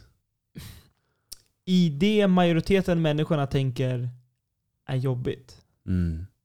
Det är ju där människor som du och jag hittar oss själva. Mm. Och hela mitt liv har väl egentligen gått ut på i grund och botten att jag vill hitta mig själv. Mm. Som jag sa, det är svårt att beskriva vem Max Besano är idag. Mm. Men jag kan definitivt beskriva för dig vem Max Besano sprang till Kebnekaise. Mm. Eller var i Tanzania, eller Kilimanjaro, eller liksom vad jag än gjort i mitt liv. Precis. Det är väldigt lätt att beskriva för er där ute vem han var då. Mm. I tredje, eller tredje, vad säger man, tredje person? Mm. Kallar man det? Nej. Och, ehm, men, men vi har ju pratat tidigare om att inspirera människor. Precis. Och Det ligger någonting i det också, i de här Ja. grejerna absolut, med flipflopsen. flipflopsen. Jag har ju fått... Nu, nu, jag kan ju väldigt mycket ref, ref, liksom reflektera över Kebnekaise-springningen för att jag fick ju sån otrolig respons. Och när man får sån otrolig respons så är det väldigt lätt att reflektera över det man får respons över. Mm. Jag hade ju väldigt svårt att hantera den uppståndelse som var kring mig då. Jag ställde gärna upp på en tv-intervju eller en radiointervju eller en eh, dokumentär. För att jag gjorde det i stunden. Mm. Men jag... Jag ska inte säga att jag har svårt att förstå varför människor inspireras av mig. För att jag tänker att alla människor kan göra det jag gör. Det jag väljer att göra i mitt liv. Kan jag så kan du. Kan jag så kan du. Och det citatet är det bästa citatet. För att så är det. För att kan jag göra det här så kan du göra det Pontus. Så är det. Eller alla ni andra som lyssnar. Mm. Du och jag har pratat lite tidigare om obekvämligheter kring att bli hyllad. Mm. Jag kan ju hylla dig väldigt mycket just nu. Och oavsett om du blir glad eller inte så finns det kanske en sida hos en människa som säger att Oj, det här var lite jobbigt. Att, Mm. så här, det är jobbigt att folk tittar på en och bara hyllar en. Eller om jag dejtar en tjej och så säger hon Du är ju en svärmorsdröm. Då kan jag tänka så här. Det är skitbra. Men jag blir obekväm i det. Hur kommer det sig? Jag tror att det grundar sig i att jag... Mina inspirationer i livet är inte riktigt de som gör samma sak som mig. Mm. För att det jag gör, eller mina äventyr jag gör, det är max en till tre månader av hårt arbete. Jag inspireras ju av ett, det absolut bästa exemplet. Min storbror Sebastian. Som jobbar med eh, sport och människor. Och är helt egen i det han gör i Sverige just nu. Människor som honom grindar. Och för er som inte förstår vad grindar betyder så betyder det att man gör samma sak. Han grindar samma sak i 10 till 12 år innan det ger resultat. Mm. Jag behöver bara göra mitt grinding i några månader. Jag behöver bara ge mina, mitt, jag behöver bara, jag behöver bara investera några månader i mitt liv i det jag gör. Och sen kommer jag kunna leva med det för resten av mitt liv. Mm. Men människor som min storbror. Han har ju spenderat en tredjedel av sitt liv till att göra det han gör idag. Sådana människor inspireras jag av och Mm. tar styrka av. För att alla människor kan pusha sig själva till att göra samma sak i ett äventyr som varar under en kort tid. Men att ge sig själv en tredjedel av sitt liv för att göra någonting, det är inte alla människor som kan. Mm. Jag är säker på att jag hade kunnat göra det om jag hade hittat någonting som jag brinner för så mycket. Men jag hoppar så mycket för de sakerna som jag brinner för i mitt liv. Mm. Så det är svårt. Så därför, när jag sitter här och tittar dig i dina ögon, så vill jag ju hylla människor som min storbror Sebastian. Mm. Just på grund av att de har en idé, en dröm, en vision som de brinner för. Och oavsett motgångar så fortsätter de jobba för sin dröm. Mm. Min motgång är ju att jag kanske inte vill springa idag när jag vaknar upp i Härnösand och ska springa över Höga Kustenbron, vilket är fantastiskt. Och det är ju väldigt vackert. Men vi pratar ju gång på gång på gång i livet om att man måste, hur ska man säga, man måste våga för att vinna. Mm. Men det är väldigt lätt att våga vinna för kortvariga saker. Fysiskt kortvariga saker. Det är otroligt svårt att våga för en insats med hela livet. För vad gör vi när det kommer? Jag tror att alla som lyssnar, eller jag, jag tror alla vi människor har alltid haft, eh, vi får nog någon gång den här känslan av att nu ska vi manövrera det här, nu ska vi ta oss an det här och nu ska vi fixa det. Eh, men vad gör vi när det kommer motgångar? Vad gör vi när vi får så kallade haters? Vad gör vi när det finns folk som säger vad fan håller du på med? Du kommer inte lyckas. Vad gör vi då? Majoriteten ger ju upp. Och det är, ja, det är därför jag förstår så, så väl när du säger just din bror. Att trots vad folken säger, trots kanske inte resultaten efter fem år, efter sex år, så fortsätter man grinda. Och då snackar vi dedikation. Vi snackar att man är besatt. Och det är då vi kommer se de absolut bästa resultaten som går att få fram. Men den vanliga människan är inte villig att hantera motgångarna. Och motgångarna, motgångarna kan vara det kan vara vad som helst. Det kan vara att någon ber dig lägga av. Det kan vara att någon inte gillar min podd så lägger jag ner podden. Men för helvete. Jag satt här med en tanke i mitt huvud innan du började prata precis. Så tänkte jag så här, nu ska jag fråga Pontus. Vad gör du när du är med om en motgång? Och det tycker jag att du svarade jävligt bra på just nu. Mm. För att det man gör, man fortsätter bara. Mm. För att det kommer aldrig kunna komma situationer i ditt liv där alla människor tycker om det du gör. Mm. Okej? Och då är det också viktigt att tänka så här. Alla som lyssnar på dig och dina podcasts och dina frågor och din värme och energi som du utstrålar. Glöm aldrig det. Mm. När du har en tuff dag, när du är på jobbet, eller att du kanske inte riktigt får ihop det här poddavsnittet när du ska klippa och liksom, vad man nu än gör när man ska få upp en podd. Jag vet ju inte. Mm. Då tänker jag att du ska fan vara stolt över att du vågar. För att du är en av få människor som faktiskt vågar göra det du vill göra. Mm. Och det handlar inte bara om dig. Det handlar om alla människor där ute som hör exakt vad vi säger nu. Mm. Om ni bara skulle våga göra lite mer av det ni drömmer så skulle ni bli lite mer stolta över er själva. Och att vara stolt över sig själv, det är väl för fan pricken över i i livet? Eller har jag fel? Det är så jävla sant. och nu firar ju vi nästan på datumet ettårsjubileum med podden. Jag vet inte Grattis. ja, tack. Det visste jag faktiskt inte. Så stort grattis. Ja. Och eh, timmarna man har lagt ner. Eh, jag har svårt att se någon annan lägga ner det arbetet som jag har behövt lämna, eller liksom ge, ge mig själv. Liksom. Den tiden jag har fått ge mig själv för att få ut den här podden. och jag gör ju allting själv. Det finns många som har poddar med ett team bakom, bakom sig. Det finns många som har poddar med flera personer. Där man på något sätt kan pussla ihop. Men allt jag gör, gör jag på eget bevåg. Det här gör jag för mig själv, med mig själv. Och sen så försöker jag hitta min egen väg att lyckas. Att lyckas, vad betyder då att lyckas? jag vill inspirera andra. Vad betyder inspirera andra för dig? Eller hur? kan frågan. jag så kan du. Alltså det är KK, back in business. KK är tillbaks! Men så är det. Med tanke på min livshistoria, många vet ju den. Eh, jag tror många har en, har en skev bild av den också. Men Pontus, får jag bara stoppa dig en sekund? Mm? Nu vet ju jag i det här poddavsnittet så kommer det vara väldigt många människor som kommer vara nya till din podd. Mm. Eh, Jag vet att jag har många människor som kommer att lyssna på den här podden som är min vänner och mina familj och, och liknande. Jag vet ju mycket om dig och jag förstår dig som person. Men för alla de som är nya till din podd, kan du bara hjälpa mig här och hjälpa dem att dra en snabb summering över varför startar Tre frågor. Mm. Varför startar du den här podden?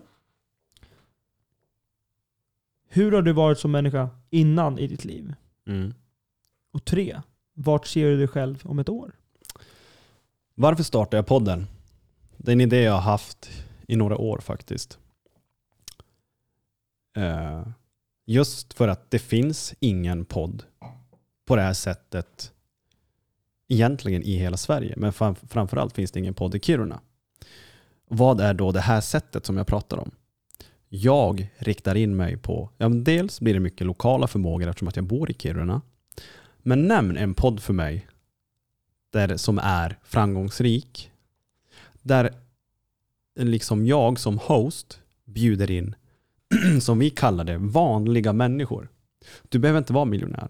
Du behöver inte vara framgångsrik som vi speglar framgångsrik. Du behöver inte köra en Ferrari. Du behöver inte vara Bill Gates eller Goten, Zlatan Ibrahimovic. Jag tror att vi pratade om tidigare avsnittet va? Att eh, de som har minst, de har mest att ge. Så är det. Eh, och jag vill lyfta fram dem, som förra avsnittet med Hanna och Danne. Trots sin ringa ålder så har de förlorat båda sina föräldrar på tragiska sätt. På det tragiska öden som har präglat deras liv. Och vad kan då ett sådant avsnitt ge lyssnarna?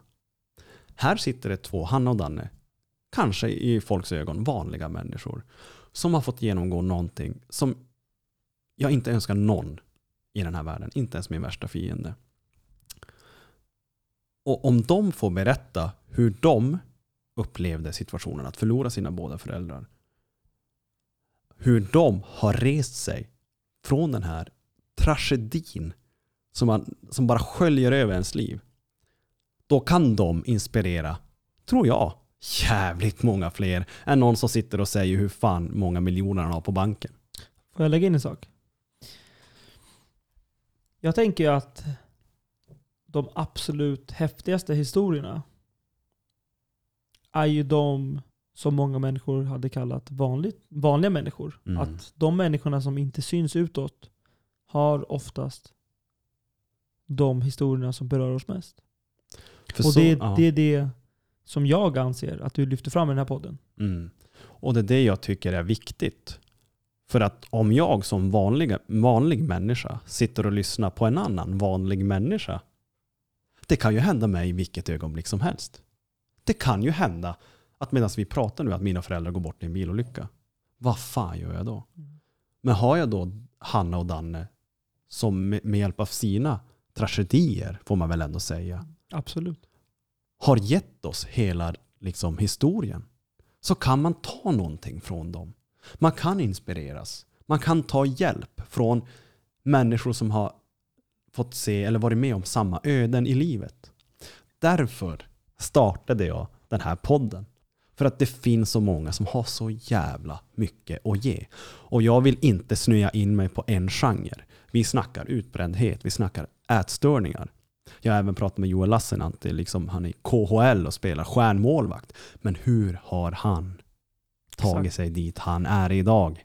För att om han är en stjärnmålvakt i hockey, Mm. ja, då har man nog de här miljonerna på banken som vi pratade om. Men, Mm. hur mår han egentligen? Och det är där jag kommer in i bilden. Exakt. För att när vi sitter och spelar in den här podden, då är det flera gånger nu när jag har tittat dig i ögonen så har jag tänkt så här. Vad fan? Det här hade kunnat varit en vanlig vinkväll mellan dig och mig. Det här behöver ju inte vara Nej. mikrofoner och mixerbord, utan det här är ju en, det här är ju en vanlig pratstund. Där du och jag frågar varandra saker, vi lyssnar på varandra, vi hjälper varandra att utveckla tankarna Mm. och kommer fram till viktiga saker. Eller som vi sa, viktiga för, för, alltså för människor som dig och mig. Mm. För att du och jag är ju helt normala människor Mm. utåt sett. Men jag skulle inte säga att någon av dig och mig är en normal människa inåt sett. För att vi har ju också kommit väldigt långt i de känslomässiga stadierna att vi kan sitta här och prata om de sakerna som har utvecklat oss Mm. till de människorna vi är idag. Och det vi har valt, det vi väljer att prata om idag har ju ingen filter. Mm. För att du kan ju inte fråga mig någonting här och nu som inte skulle betyda någonting för mig. Mm. Och då vill jag ändå säga att det är vice versa. För att jag skulle inte kunna fråga dig någonting som inte liksom har en, en känsla för dig som du lever efter. Precis så är det Max. Och du sätter ord på tankarna, vilket du alltid gör så bra. Och jag, tänker att man, det är huvudanledningen till varför det, podden heter Kan jag så kan du. Det är huvudanledningen till varför det är en podd idag. Eh, på som svar på din andra fråga, vem, vem jag kanske har varit då och vem jag är och sådär. Eh, jag kommer från en hockeybakgrund. Eh, det finns ju även ett avsnitt om mig i podden där jag går djupt in på de här grejerna. Men kortfattat. Jag kommer från en hockeybakgrund, född i Kiruna. Tidigt var jag målmedveten. Och jag skulle bli bäst i världen. Och när jag säger att jag skulle bli bäst i världen, Då menar du det? jag menar att jag skulle bli bäst i världen. Jag hade aldrig en plan B. Jag läste Michael Jordans bok när jag gick i högstadiet. Och därifrån har jag fått det. Han sa att den dagen jag sätter en plan B i mitt liv, då har jag tappat fattningen om plan A. Vad var hans plan A? NBA-star. Det, det där är väldigt eh, kul och intressant att du säger det. För jag säger alltid till mina nära och kära att har du en plan B, då behöver du inte ha en plan A. Mm. För att har du en plan B, då har du alltid en säkerhet. Och det är det jag menar med att ge dig ut i det okända Mm. utan en plan B.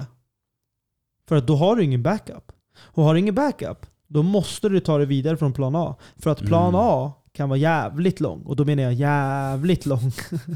Men det är fortfarande plan A. Men har du en plan B, att du ska göra det här och det här och det här. Mm. Men om det inte funkar, då kan jag göra det här och det här. Okej, Mm. då har du redan satt upp mål att om jag misslyckas så kan jag göra det här. Och Då har du ju misslyckats. Mm. Och då menar jag inte att det är dåligt. Det är inte alltid dåligt att ha en plan B i livet. Det beror lite på vilka förutsättningar man har. Mm. Men har du en, en vision så tycker jag att man ska gå efter den visionen. Och inte gå efter den visionen där man... En backup-vision. Mm. För att man kan ha visioner om livet. Och olika sätt på livet. Men har du en dröm om att, om att bli fotbollsproffs. Nu, nu tog jag fotbollen för att jag spelade fotboll tidigare i mitt liv. Då är det det du ska gå på. Och det är ju så. Och liksom det är därför jag tror att jag var så bra som jag var. Och jag kommer ju då liksom från Kiruna. Jag fick välja vilket hockeygymnasium jag ville i, i hela Sverige. Det Ehm, betyder att du var jävligt bra. Ja, jag var jävligt, jävligt bra. Eh, Jag var en sväng i juniorlandslaget. Om jag inte har fel så tog du jävligt mycket smällar också. Got some haters man.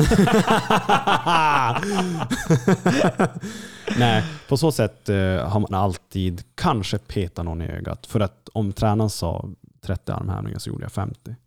Och det stör, sig, det stör folk sig på. Vi, vi ska inte gå in på det nu, men eh, när någon annan i vår närhet sa gör 30 armhävningar, ja, då gjorde du de där 50 armhävningarna. Vi kommer till Vi det. kommer till det. Vi kommer till det. Eh, ehm, och, och liksom min, jag, jag vet inte vart det kommer ifrån. Min pappa eh, lirade Gothia Cup, var bra i handboll och sådär. Där har jag nog fått min sport, kanske intresse ifrån. Min mamma, företagare, envis. Man sätter sig fan inte på min morsa. Och man sätter sig fan inte på mig heller. Så jag tror att det är en bra blandning. Skulle du säga att du är... Mm, så här. Jag tror aldrig att man kan säga att man är 50-50 från mamma och pappa. Vad skulle du säga? Skulle du säga att du är mest från mamma eller mest från pappa? Jag skulle säga att jag, skulle säga att jag är mer mamma. Men allt jag har lärt mig, det kommer från pappa. Mm. Pappa är klok. Mamma är hård. Mm. Pappa är också hård. Men han är, ja, han är klok. Eh, och jag, jag kan inte ens drömma om att få bättre uppbackning i livet som jag har fått. Men trots uppbackning så har väl du, nu när vi ändå pratar om vem du var tidigare, för att det vill jag ändå lyfta här. Ja. För att jag har haft det i mitt liv. Inte, inte liksom just jag, men jag har haft det kring mig i mitt liv. Du har inte alltid haft så bra, eh, hur ska man säga? Hjälp mig med orden här. Jag tror att du vet vad jag siktar på här. Nu häller du upp lite bubbel här. Getting ready man. Getting ready! Let's go deep! Nej men det jag menar är att du har ju tappat kontrollen många gånger i ditt liv. Det och har jag. släppt eh, det... Inte det verkliga livet ska jag inte säga, men du, du har definitivt släppt Tappat kontroll. mig själv. Du har tappat dig själv. Mm. Du har tappat kontrollen på dig själv. Precis. Och jag tror att det är många i min närhet, av mina vänner och familj som kommer att lyssna på det här, som tänker... Eller min fråga var egentligen var, vem var du innan? Liksom? Precis. Och vem var du innan? Eh, För eh, jag tror att jag kan sätta ganska bra ord på det. För när du har någonting som är hela ditt liv, förstå att hockeyn, jag skulle bli så pass rik och känd och bra att om någon, om farsan bad mig hjälpa och snickra på sommaren så sa jag att jag vill inte hjälpa. Och om han frågar varför så sa jag när jag blir vuxen så kommer jag ha folk som snickrar åt mig. Och hur gammal var du när du hade de här tankarna i frågan då? Det det här är en seriös fråga. det började komma när jag var 13-14. Okej. Oj, man är ganska ung då. Det är det jag menar. Så att när man är ung. Hade du nu i dagens läge, när du är 30 nu va? 28. 28. Värsta lammköttet. Så hade du nu varit miljonär och hockeyproffs i NHL eller KL eller vad det nu heter i Ryssland där. Så tänker jag så här.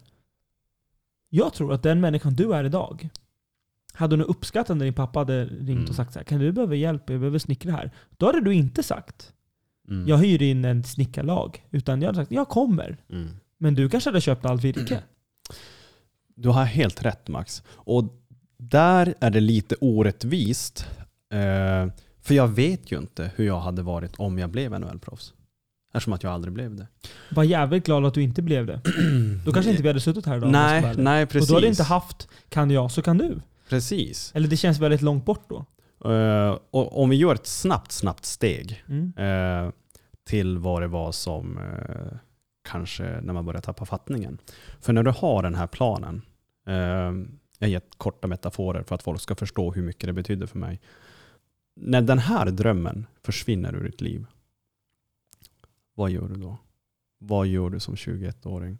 Hur mycket vet du om livet som 21 år när det enda du har gjort är att bott i en ishall? Hur mycket information om livet står det i en ishall? Nada. Hur mycket information får Det du är om bara livet? kallt. Det är jävligt kallt. De som inte testar Mattojärvi i Kiruna, Börje Salmings eh, represent. Men eh, hur mycket information får vi om livet i skolan? Nada. Så att det som händer när jag är 21, jag blev pappa när jag var 20. Hade en sommarflört där. Dilf. Jag kan inte hålla mig för skratt. jag kände att jag ändå var tvungen att... Så här, för er som inte vet hur Pontus ser ut så kan jag säga att Pontus är tatuerad. Han är väldigt snygg. Han har otroligt Tack. fina ögon. Så att... Ja, jag ville bara lägga in Dilf här. Tack Max. Förlåt, tack, så jag ska Max. inte bryta din seriösa samtal här, men jag kände att det var, det Ja, var dags precis. att promota Eh, det här. Tack, jag uppskattar det. Men det som händer är att eh, ja, jag blev pappa tidigt med en sommarflört. Ehm, eftersom att det är min dotters, ma- dotters mamma, precis som i mitt eget avsnitt, så väljer jag av respekt att inte hänga ut någon. Jag väljer av respekt att inte gå in på händelser, men när jag har dejtat tjejer förut så har de sagt så här. Du vet om att det står en del om dig på Google va? Googlar man Pontus Josefsson så kommer det upp en hel del. I know, I know. Det finns en Flashback-tråd. Det, det finns eh, händelser om mitt liv överallt. Okej, fine, jag köper det.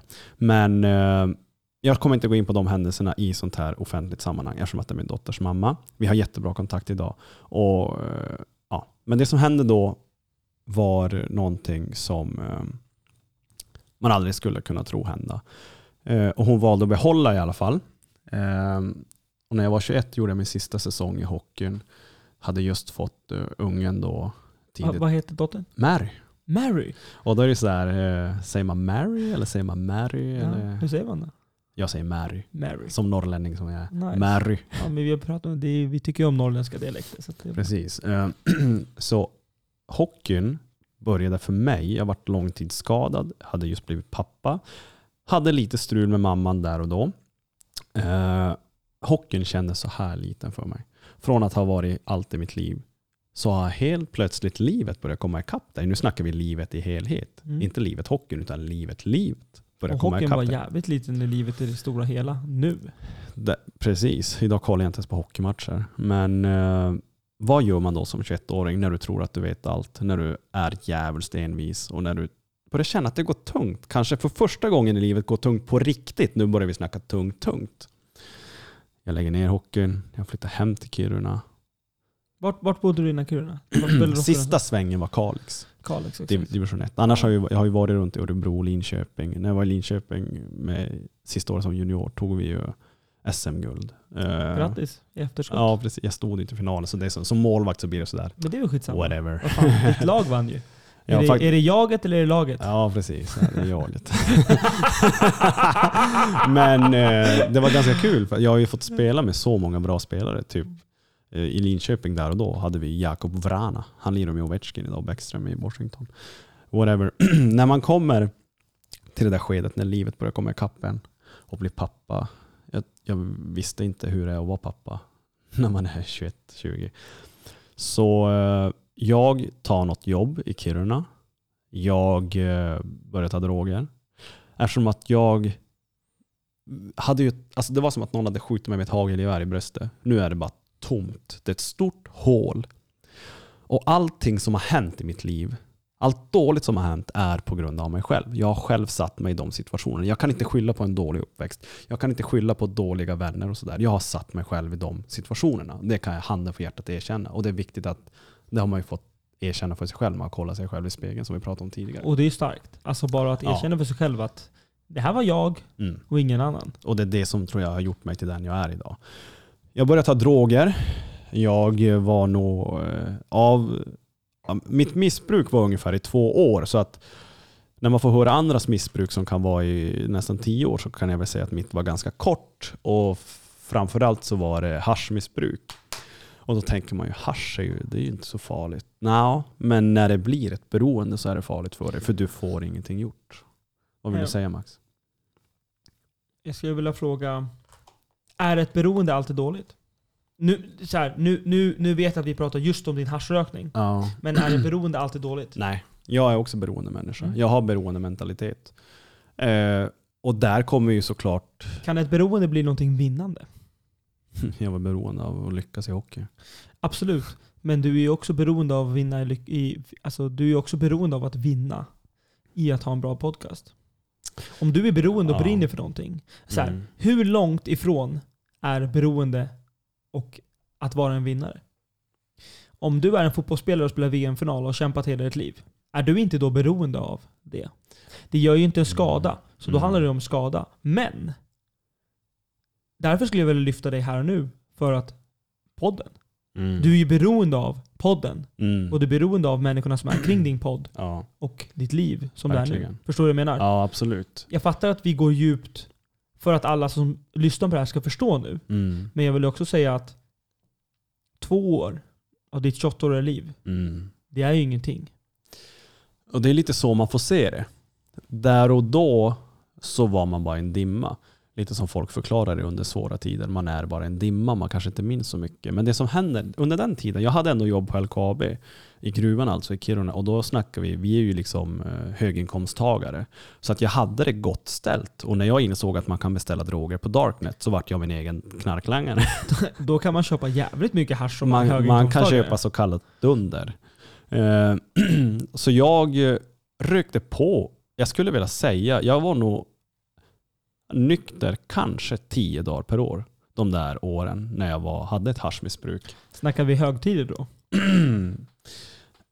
Ska jag vara helt ärlig minns jag inte vilka dagar ens det Okej. var. Det är jättesvårt att säga, men jag var high. jag, jag, jag skrattar med kärlek. Ja, med kärlek. absolut. Jag förstår dig. Och det hade gått så långt att om jag inte rökte på en dag så var jag inte mig själv. Jag var tvungen att röka för att uh, inte känna mig bakis, inte ha de här skakningarna. Jag rys, jag, jag, alltså, du såg ju på mig nu att jag Ja. ryser ju. Precis. Så så långt hade det gått. Så nej, eller det finns forskning på hur eh, marijuana kan vara bra för folk. Men i mitt fall var det inte bra för mig. Eh, så- och sen då på fester så tog jag amfetamin och MDMA och ecstasy och sådär. Så att eh, just de där tyngre drogerna, det var mitt, min partyhobby. Det var att nu jävlar ska vi piffa upp den, piffa upp den här festen lite. Det är ju också ganska vanligt, om man ska vara ärlig nu. I, i, alltså så här, I samhället idag så är det ganska vanligt med Mm. ett piller eller någonting i näsan för att det ska vara en, en partygrej. Ehm, men jag har ju förstått så som att det var inte det som var det stora problemet, utan det var ju liksom Mm. att röka. Som, för jag har ju sett någon video på dig när du står och röker en bong Ja, som finns på sociala medier. Men jag vill också säga att det är fantastiskt att du vågar visa just den delen just på grund av Mm. att du gör den här podden för att lyfta fram människor som kanske haft problem tidigare men som har tagit sig ut det. Eller människor som faktiskt försöker ta sig ur det. För det behöver Mm. inte betyda att alla människor som sitter här med dig är nyktra. Precis. Men det kan också betyda att människor eller så här, det kan vara en bra början för människor att våga prata om det. Mm. För att när man sitter här, som vi har pratat om tidigare, i den här bubblan, så blir det lättare att prata om saker. Man tittar varandra i ögonen, det är ett rosa porrljus omkring oss, det är tända ljus. Det är väldigt mysig stämning. Mm. Men det gör det också tryggare för en själv. Nu, Absolut. nu jag säger inte det här och säger att jag har liksom problem så, utan jag bara säger att det är väldigt skönt att prata med dig och speciellt få höra lite mer om din historia också. Det, det, jag är så ärlig med mig själv och ärlig mot öpp, alltså offentligheten. För jag känner att jag har ingenting att dölja. Och därför kan jag lägga ut när jag röker en bong för fyra år sedan. Därför, nu har inte jag lagt upp när jag sitter och drar massa jävla linor, kanske får göra Det, det. vet du vad, det är kanske jävligt tur. För då hade det varit tufft i det här programmet. För att det finns ju en gräns också i drogernas värld. Mm. Och att röka en joint eller två eller en bong, det är ju så här, det är kanske inte så bra enligt många. Och Det är kanske många tittar snett på. Mm. Men det är inte alls lika snett som när kändisar åker fast med att ta en lina på toaletten på någon krog. Mm. Förstår du vad jag menar? Det Exakt. finns ju en gräns, men så finns det alltid en gräns över. Och den gränsen kanske man inte vill passera. För att då Mm. blir du dömd långt i förväg. Det är ju så. Och det jag har lärt mig av min egen historia, det är att jag dömer ingen idag. Du kan sitta här och säga att fan du är en jävla mördare. Men jag tror att det ligger någonting där under som är rotorsaken. Jag tror inte att du föddes till en mördare. Så jag kan inte döma någon idag. För vem fan är jag att döma? Jag har varit en jävla pundare. Så jag, jag har gjort allt dåligt man kan göra i sitt liv. Alltså, jag kan inte döma folk. Ehm, så att, men jag lyckades ju faktiskt ta mig ur det här. Hur då? Jag vart tjallad. Det var en tjej som jag dejtade. Vänta, en fråga bara. Vad är tjallad? So call me a cynic, call me a bummer. I don't wanna be that way anymore. This life that I've been living, living without color, ain't a life worth living. Vad är då en källare Max? Eh, jag är glad att hon källade. En källare är någon som eh, tar eh, tillfället i akt och berättar för polisen att deras, eh, ja i detta fall då dejt, jag. Var det en dejt som tjallade på dig också? Ja, vi hade bara dejtat i två månader. Okej. Eh, det är det som också gjorde det sådär bara, vad fan gjorde hon det för? Men eh, ja. Eh, hon berättar för polisen att jag eh, röker på. Eh, Hon ringde alltså polisen? Jajamän. Hon ringde polisen för att du rökte på. Hon, hon ringde polisen för att jag... eh, Hur ovanligt är det att folk röker på? I Hon hade ju förmodligen inte ringt polisen om jag, hade, om jag inte hade sagt du, jag vill inte dejta någon mer. ah, Så där har vi... Okej, Ja. så vi, vi är där nu. vi är där, okej. Eh, men två månader i alla fall. Eh, Hur, ehm, hur ska jag lägga det snällt? Skitsamma, jag ska inte lägga det snällt. Hur bra är det att ha sex med dig egentligen? Om någon ringer polisen efter att du inte vill träffa dem längre? Jag funderar mycket på det för att eh, ibland är det som att man får höra osanningar om sig själv. eh, fast jag inte har gjort någonting. Eh, och då kan det vara just det där, men alltså hur fast kan man vara efter två månader när man måste ringa snuten? Hallå, vi har ju bara dejtat, vi har legat lite, vi har myst lite. Det var det bästa som kunde hända dig. Det var det bästa som kunde hända mig. Så polisen stoppade mig. De stod utanför gymmet i Kiruna dagen innan nyårsafton 2016. Och jag tänker att, okej, snuten brukar ju faktiskt gymma. De kanske står där. De lät mig hoppa in i min bil, började följa efter, stoppa mig när jag väl hade kört iväg. För att nu kan de ju ta mig för drograttfylla istället för bara ringa narkotikabrott. Så, så jag har fattat det rätt? Okej, det förstår jag att de tar det för drograttfylla. Ja. Så man kan alltså i Kiruna ringa polisen, ish, och säga så här. eh, min pojkvän, typ, Mm. röker på. För, och då, och berätta hela den historien. För hade du gjort massa andra droger framför henne också? Nej, jag hade rökt eh, på. Och jag hade just i den här vevan kommit precis hem från Amsterdam också. Okej, då förstår jag att eh, det var lite svårt för dig. För då var ditt blod inte så rent. Ja, och så här var det. När jag kom hem från Amsterdam, Amsterdam idag 10 december Max, så är det exakt på dagen fyra år sedan jag kom hem från Amsterdam. Oj! Jag hade, jag åkte fast dagen innan nyårsafton. Så på två, två, tre veckor har ju det hunnit gå ut ur blodet. Så jag kom överens med mig själv och min polare att nu ska jag ta ett uppehåll från hasch. Men vad händer den veckan innan nyår? Jag väljer att lämna henne. Hon tar inte det på så bra sätt. Eh, jag vill inte hänga ut någon så jag ska inte berätta allt vad som hände. Men jag fick ringa upp min kompis från Luleå för att jag kunde inte vara själv i lägenheten. Eh, Så allvarligt var det. Så han fick komma och lite grann... Efter då att du ja, jag hade sagt att... Nej, efter, det här var innan då. Okej. Så Den eh, här, den här kompisen, det är lite intresserad av att veta, var det en kille eller tjej? det var en kille. Okej, så det var Eh. liksom, du är ju heterolagt, så du, du låg inte med den här killen? Jag låg inte... Okej, så det var ingen rebound du ringde? Nej, utan en jättebra vän. det är bättre att fråga. Ja, alltså, absolut. Alltså, Så jag är det. det är bättre att fråga. Så han kommer upp för att jag behövde stöd. Jag kände att jag hade inte... Jag eh, ja, fick besök mitt i natten och sådana där grejer. Eh, För att någon hade lyckats ta min hemnyckel. Ja. Så att det, var, det var lite jobbigt. Eh, Och då och då, som slutet på det hela, den här jobbiga veckan när jag lämnar henne, så väljer hon att ringa polisen och jag blir stannad. Och eh, jag åker fast för att eftersom att det var så jobbigt så hade polan och jag hade även några andra polare där, där och då som hade med lite av det goda. Vi lightade upp min bong och jag hade ju sagt att jag skulle ju inte ta. Men eftersom att jag var lite nere efter en jobbig vecka med den här tjejen så tar jag ett blås. Ett blås. Jag tar ett, jag tar en fet bonghit. Jag tar en så fet bonghit du bara, bonghit du bara kan tänka dig. Så det sätter sig säkert i kroppen. Så dagen efter när snuten stannar mig, I Då har got it. Då var jag rökt. Då får jag ändå exakt. Då får jag ändå säga så här. Med tanke på att jag vet vart du är i ditt liv idag, Ja. så får jag ändå säga att ja, det var den bästa bonghitten du kunde ta i ditt liv. Det är den sista bonghit jag har tagit. Eh, Men sen också dess. den bästa. Ja, den fick mig att lugna mig där och då. Eh, och då är det så här, jag hatade ju den här människan. För att hon hade satt mig i den. Eftersom att jag har barn så blir socialen inblandat och allting blir inblandat. Så det var jobbigt. Det förstår jag. Men, men jag, på något sätt, som den jag alltid har varit, ryckte mig själv i kragen. Alltid varit en krigare, envis. På gott och ont. I det här fallet gott då. Jag var tvungen att befria mig själv från hatet. Jag kan inte gå runt och hata henne. Jag slutade hata henne. Jag var tvungen att se mig själv i spegeln. Kanske för första gången på riktigt i hela mitt liv. Och här var jag kring 23-24 års åldern där kring. Ja. Och det är tufft. När man aldrig har behövt se sig själv i spegeln eftersom att allt har gått så bra. Och sen ska man rannsaka sig själv. Men det är det viktigaste jag har gjort. Jag är glad ändå att jag träffade henne under de omständigheterna som hände. Jag är tacksam för att hon källade. Jag är tacksam för att jag åkte fast.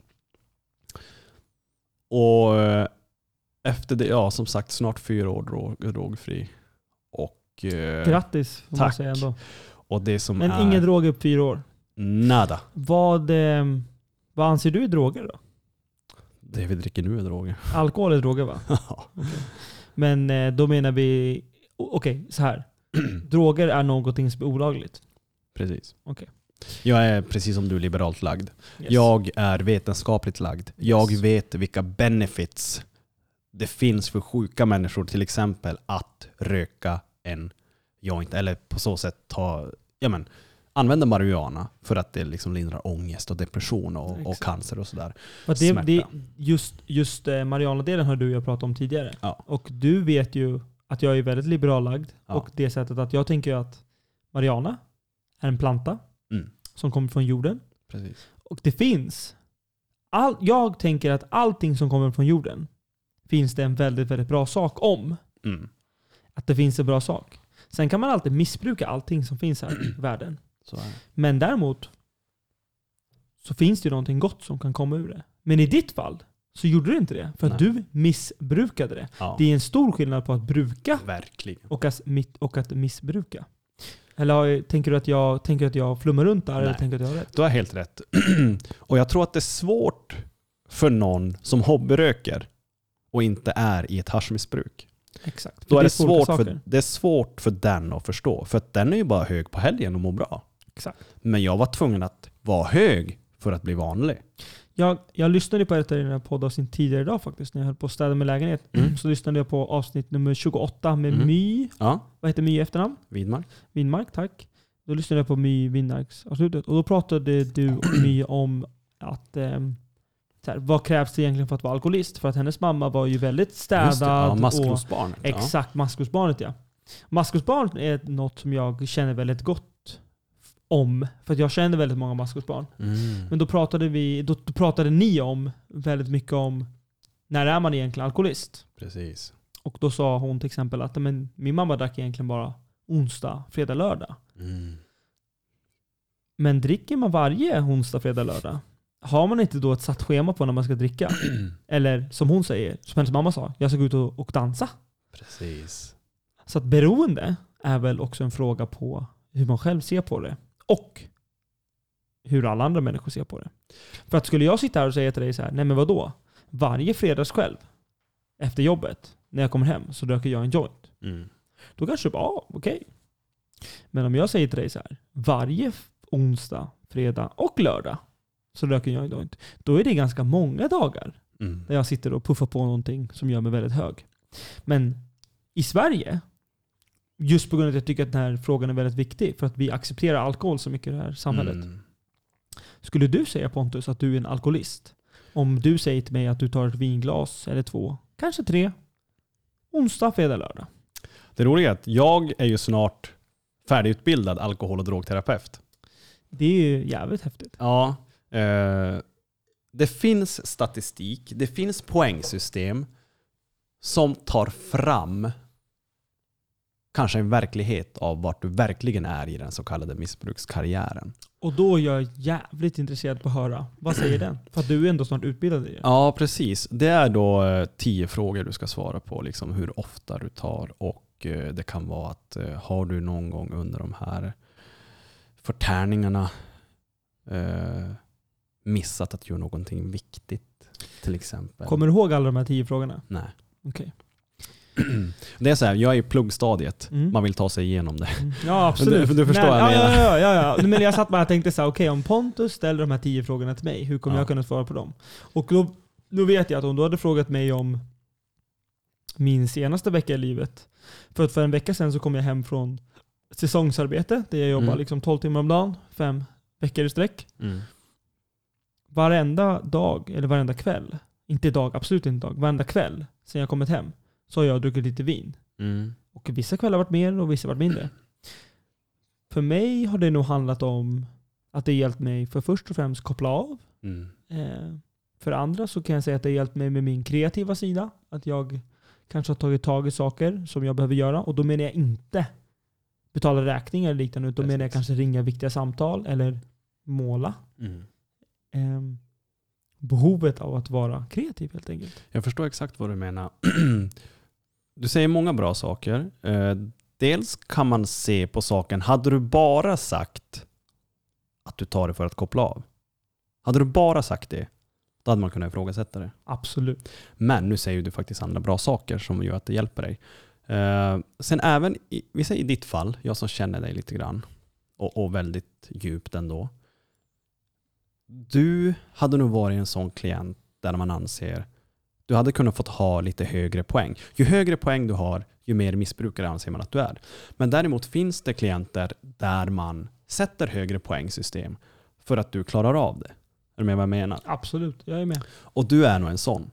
Där att du kan ha uppemot 15-20 poäng utan att det är ett skadligt beteende.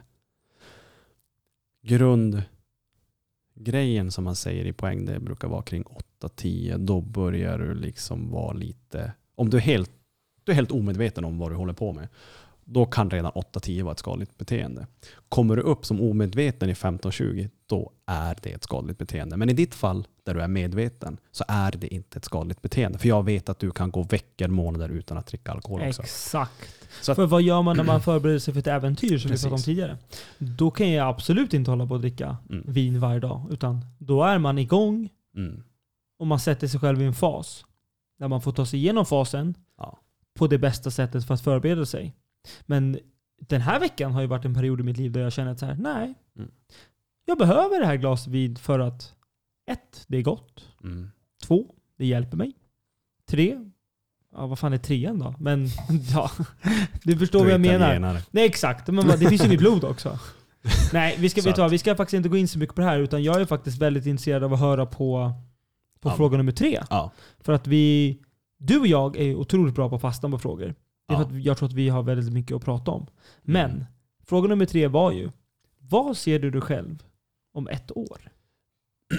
Och idag är det, vilket datum är det idag? 10 december 2020. Yes! Så jag 10 ringer dig om ett år. Ja, men det, det, alltså nej nej nej, jag håller dig på orden. Ja, att, jag yes. med. Vart ser du dig om ett år från och med idag Pontus? Ehm, hade du sagt fem år hade det varit lättare att svara på. Men ett år kommer jag nog, tror jag, eh, vara ungefär i samma sitt som jag är idag. Jag har nog kvar podden. Jag kommer att ha gjort podden större än vad den är eh, idag. Jag kommer att, jag har precis startat eget företag. Yes. Eh, Så att du kan ta emot alla dina sponsringar. ja, det också, men jag hyr även ut mig själv som PT och coach. Just det. Och just nu så har jag hand om eh, Kirunas fotbollslag. Eh, pojkar 15-16 kommer börja ta hand om eh, damlaget, A-laget. Eh, jag kanske inte ens får säga det för det är inte ens klart ännu. Men det lutar mot det. Alltså, Sorry. så här, men så här, det, det, här, det här var ju inte någonting som jag visste om, så då får vi väl ändå säga så här, grattis! Ja, tack. När, när du sa pojkar 15-16 så tänkte jag så här. Vilken eh, fantastisk ålder att jobba emot. Ja. Och sen så bara, A-laget, damlaget. Jag Ja. oh, shit, grattis! Och jag tar ju inte emot damlaget för att åh vad snygga brudar. Utan jag Nej. gör det här för att jag brinner för det här. Jag gör det här för att jag vill hjälpa andra människor. Och det som skiljer mig från andra PTs och coacher är att när jag lägger upp ett pass, vi kommer gå in på det sen, det äventyr vi har varit på. Yes. Men jag lägger upp pass där du ska ta fram din mentala styrka. Jag snackar inte, gör tre set av benspark sen gör 12 reps och det kommer bli svinbra. Du kommer få as-nice frontgrej där i knä. Vad heter det? Frontgrejer? Nej, inte fan men jag. Men den här är liksom Ja, ja, ja. muskeln med knä. Typ. Exakt. Och då, och då tänker jag så här. Pontus, Mm. du gör ju det du ska göra. Mm. För att många i PT-världen just nu, förlåt, PT betyder ju personlig tränare för er som inte fattar det. Är ju bara utåt sett. Du har ju haft en inre resa som Mm. är värd att nämna. Mm. Och just därför har du någonting att ge. Det är det jag känner. Jag känner att jag kan inte gå i graven förrän jag har fått ut min fulla potential. Vad är min fulla potential? Jag vill eh, hjälpa andra människor. Jag brinner för andra människor.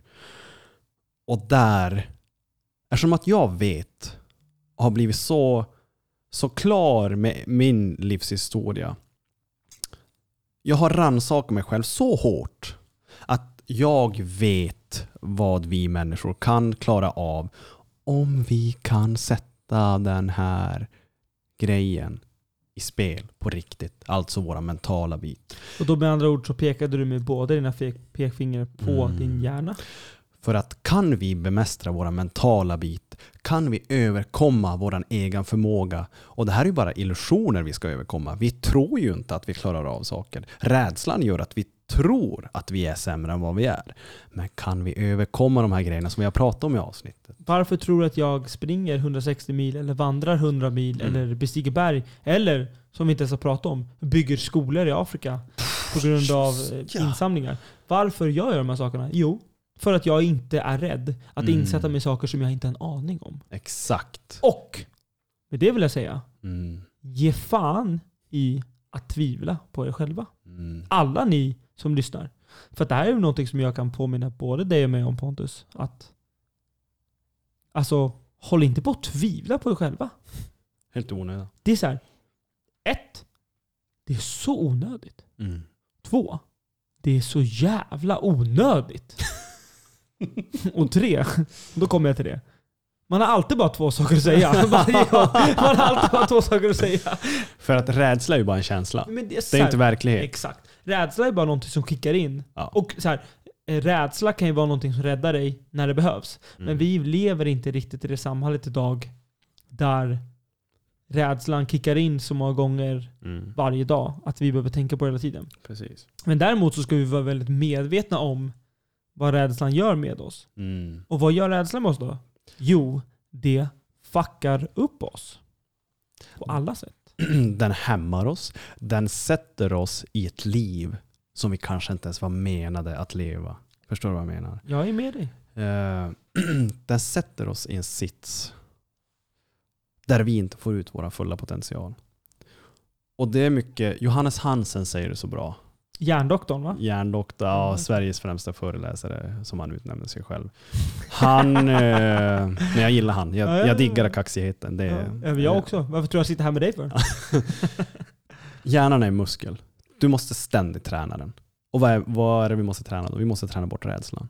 Vi måste träna bort den jävla rädslan. Vi måste övervinna den här rädslan. Vi måste komma överfund om vad fan vi verkligen vill i livet. Om vi kommer fram till att oj, det är det här vi vill. Det är en starta podd jag vill. Från stället du är på idag till att starta en podd och däremellan. Om det är massa rädslor däremellan.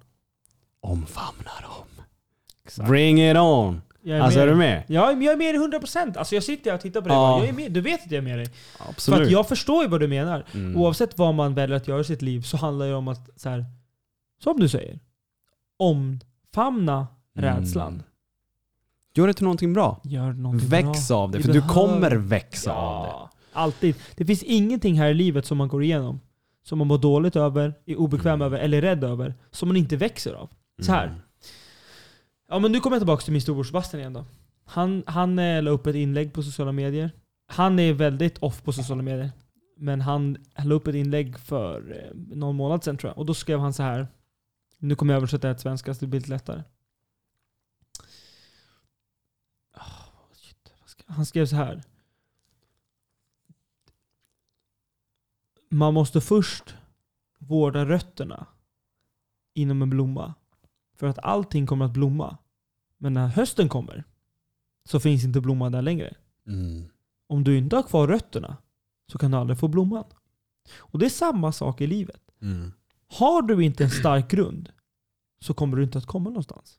Man måste hjälpa sig själv och våga ge sig själv en röst, en inre röst. För att ge sig en stark grund. Så att man kan få den där blomman sen. För att en blomma kan vara jävligt fin. Det är så. Eh, Och för att gå tillbaka till ämnet Max. Det Har vi ett där, ämne också? Ja, Man tappar ja. det ibland. Jag glömmer det. Jag glömmer hela tiden. Jag bara shit, har vi ett ämne också? Eh, så där kommer jag in i bilden, där jag vill eh, kanske stå ut från mängden där att jag lägger mina pass och jag utmanar mina klienter på ett sätt där jag kanske på något sätt jag vill nästan känna att mina klienter ska hata mig. Ja, För då vet jag att det är utvecklande. Det är Då vet jag att det utvecklar dem. Exakt. Okej, men jag är så här då. Ge mig ett tillfälle. Eller så här. Skapa ett tillfälle för mig nu.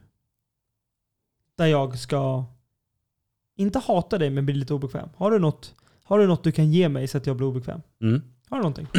Vill du ha fysiskt? Liksom. Nej, men jag tänker så här. Ge mig en obekväm situation här och nu. Kan Mm. du göra det? Och det är inte för att jag säger att jag vill det. Utan Mm. jag vill bara se, är du kapabel till att ge mig en obekväm situation nu? För jag vet också hur mycket du tycker om mig. Mm. Och du vet hur mycket jag tycker om dig. Jag vet hur hård du är också. Okej? Så att det första min tanke var, du, bor ju, du har ju 10 meter till vattnet. Så min första tanke var, hade inte du varit Max Pisana hade jag sagt så här. Om du hade ställt samma fråga fast du hade varit en vanlig människa så hade jag sagt så här. Klä av dig naken, spring ner till vattnet, ta ett dopp, kom upp igen. Tror du att det har varit ett problem eller? Inte för dig. Nej? Det är det som är grejen. Eh, det är just det jag tänker när jag vill utveckla människor. Jag tänker att det är mycket fysisk prestation. För att, och det behöver inte vara att springa till Keb- Kebne för att övervinna sin rädsla. Det kan vara så mycket som att ta kallduschar. Det kan vara så mycket som att göra 100 armhävningar varje kväll. På så sätt kommer du bilda dig själv. Du kommer hitta ditt rätta jag. Du kommer hitta den du är menad att bli. Förstår du vad jag menar? Jag förstår exakt vad du menar. Men så här. Vi har en god relation du och jag. Mm. Nu utmanar jag dig i vår relation att Mm. ge mig en obekväm situation. Och Okej. hur svårt är det då för dig att Okej. ge mig en obekväm situation? Kör! Det finns ju ingenting som du kommer kunna säga nu. Berätta om ditt värsta sex.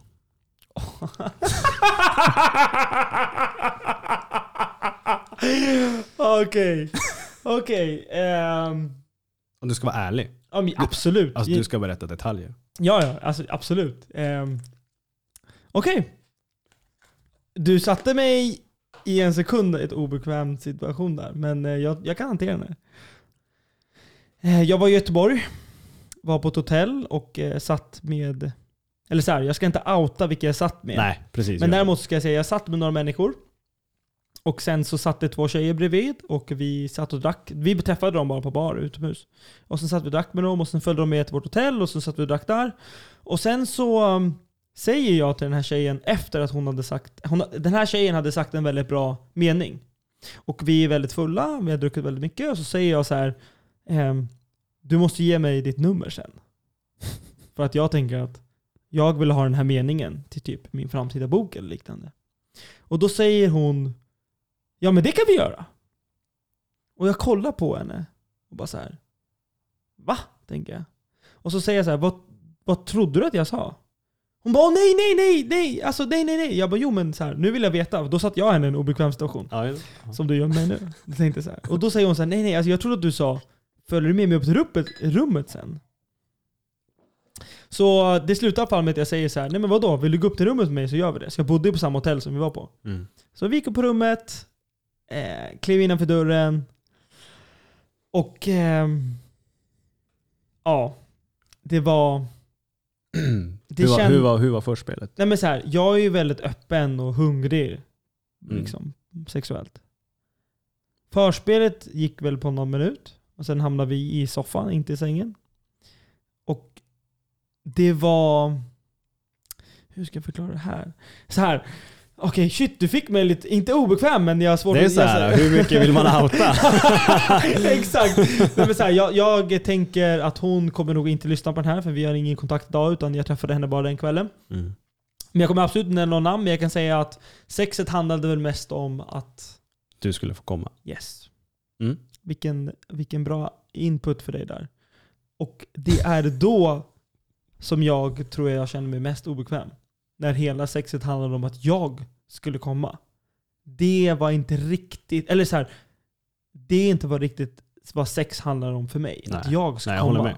Mm. Jag, jag tänker att båda två, om man, är, om man är två nu, för du och jag har ju pratat tidigare om gruppsex och liknande. Mhm. Så här. Om man är två personer i ett sexuellt samlag, så tänker jag att i grund och botten så är det bådas ansvar om man vill komma. Om jag vet hur jag brukar komma, så får väl jag se till att jag sätter mig i den positionen. Och vice versa för den här tjejen då, eftersom att jag är lagd åt tjejer. Men hela det här sexet handlade om att bara jag skulle komma. Men vad var det som var dåligt med det? Nej, men Vad är det som är dåligt? det som är dåligt i det är ju att då har jag ju sexuellt samlag med en tjej som är där bara för att jag ska komma, inte för att njuta. Då tänker jag att den här tjejen, tjejen har antagligen lite skeva, inte skeva, men hennes bild om sex är kanske inte riktigt vilken, Ja, ja. samma bild som jag har om sex. Mm. Jag tyckte liksom att hela det sexet var lite... Det poppade upp i mitt huvud som det typ sämsta sexet. för, för det jag tänkte när man tänker dåligt sex, då tänker man en som typ är svindålig på att hångla, en som typ bara ligger där och inte gör någonting, tar inget initiativ. Det tänker jag när jag tänker Ja. dåligt sex. Jag, jag förstår hur du tänker. So call me a cynic, call me a bummer. I don't wanna be that way anymore. This life that I've been living, living without color, ain't a life worth living.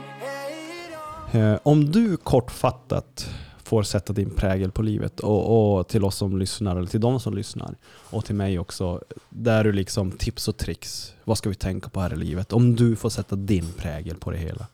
Vad säger du då?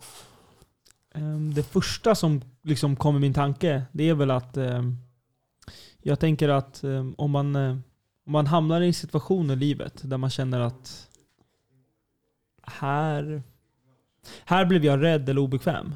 Då tycker Mm. jag att man ska våga stanna upp i den känslan. Och ehm, ta hand om den känslan. Mm. Och då menar inte jag bara ta hand om den i det sättet att man eh, går vidare. Utan att man faktiskt stannar upp och säger okej, vad är det jag egentligen känner nu? Mm. För att känslor kan ju vara så otroligt mycket saker. Och känslor anser jag är det finaste vi har. Alltså det är så... Det är så svårt att få en fråga Mm. om så otroligt viktiga saker. Verkligen. För att jag tycker ju att känslorna är det finaste vi har. Mm. Men jag tycker också att känslorna är det jävligaste vi har. För att känslorna sätter ju mig, I den sitsen du hamnar i, liksom, Exakt. där och då. och jag har ju, som vi har pratat om, att jag har ju många gånger i mitt liv blivit satt i Mm. situationer där jag har behövt hantera mina känslor. Men jag uppskattar ju varenda sak av dem. Mm. Det andra är, som jag verkligen tycker är viktigt, det är att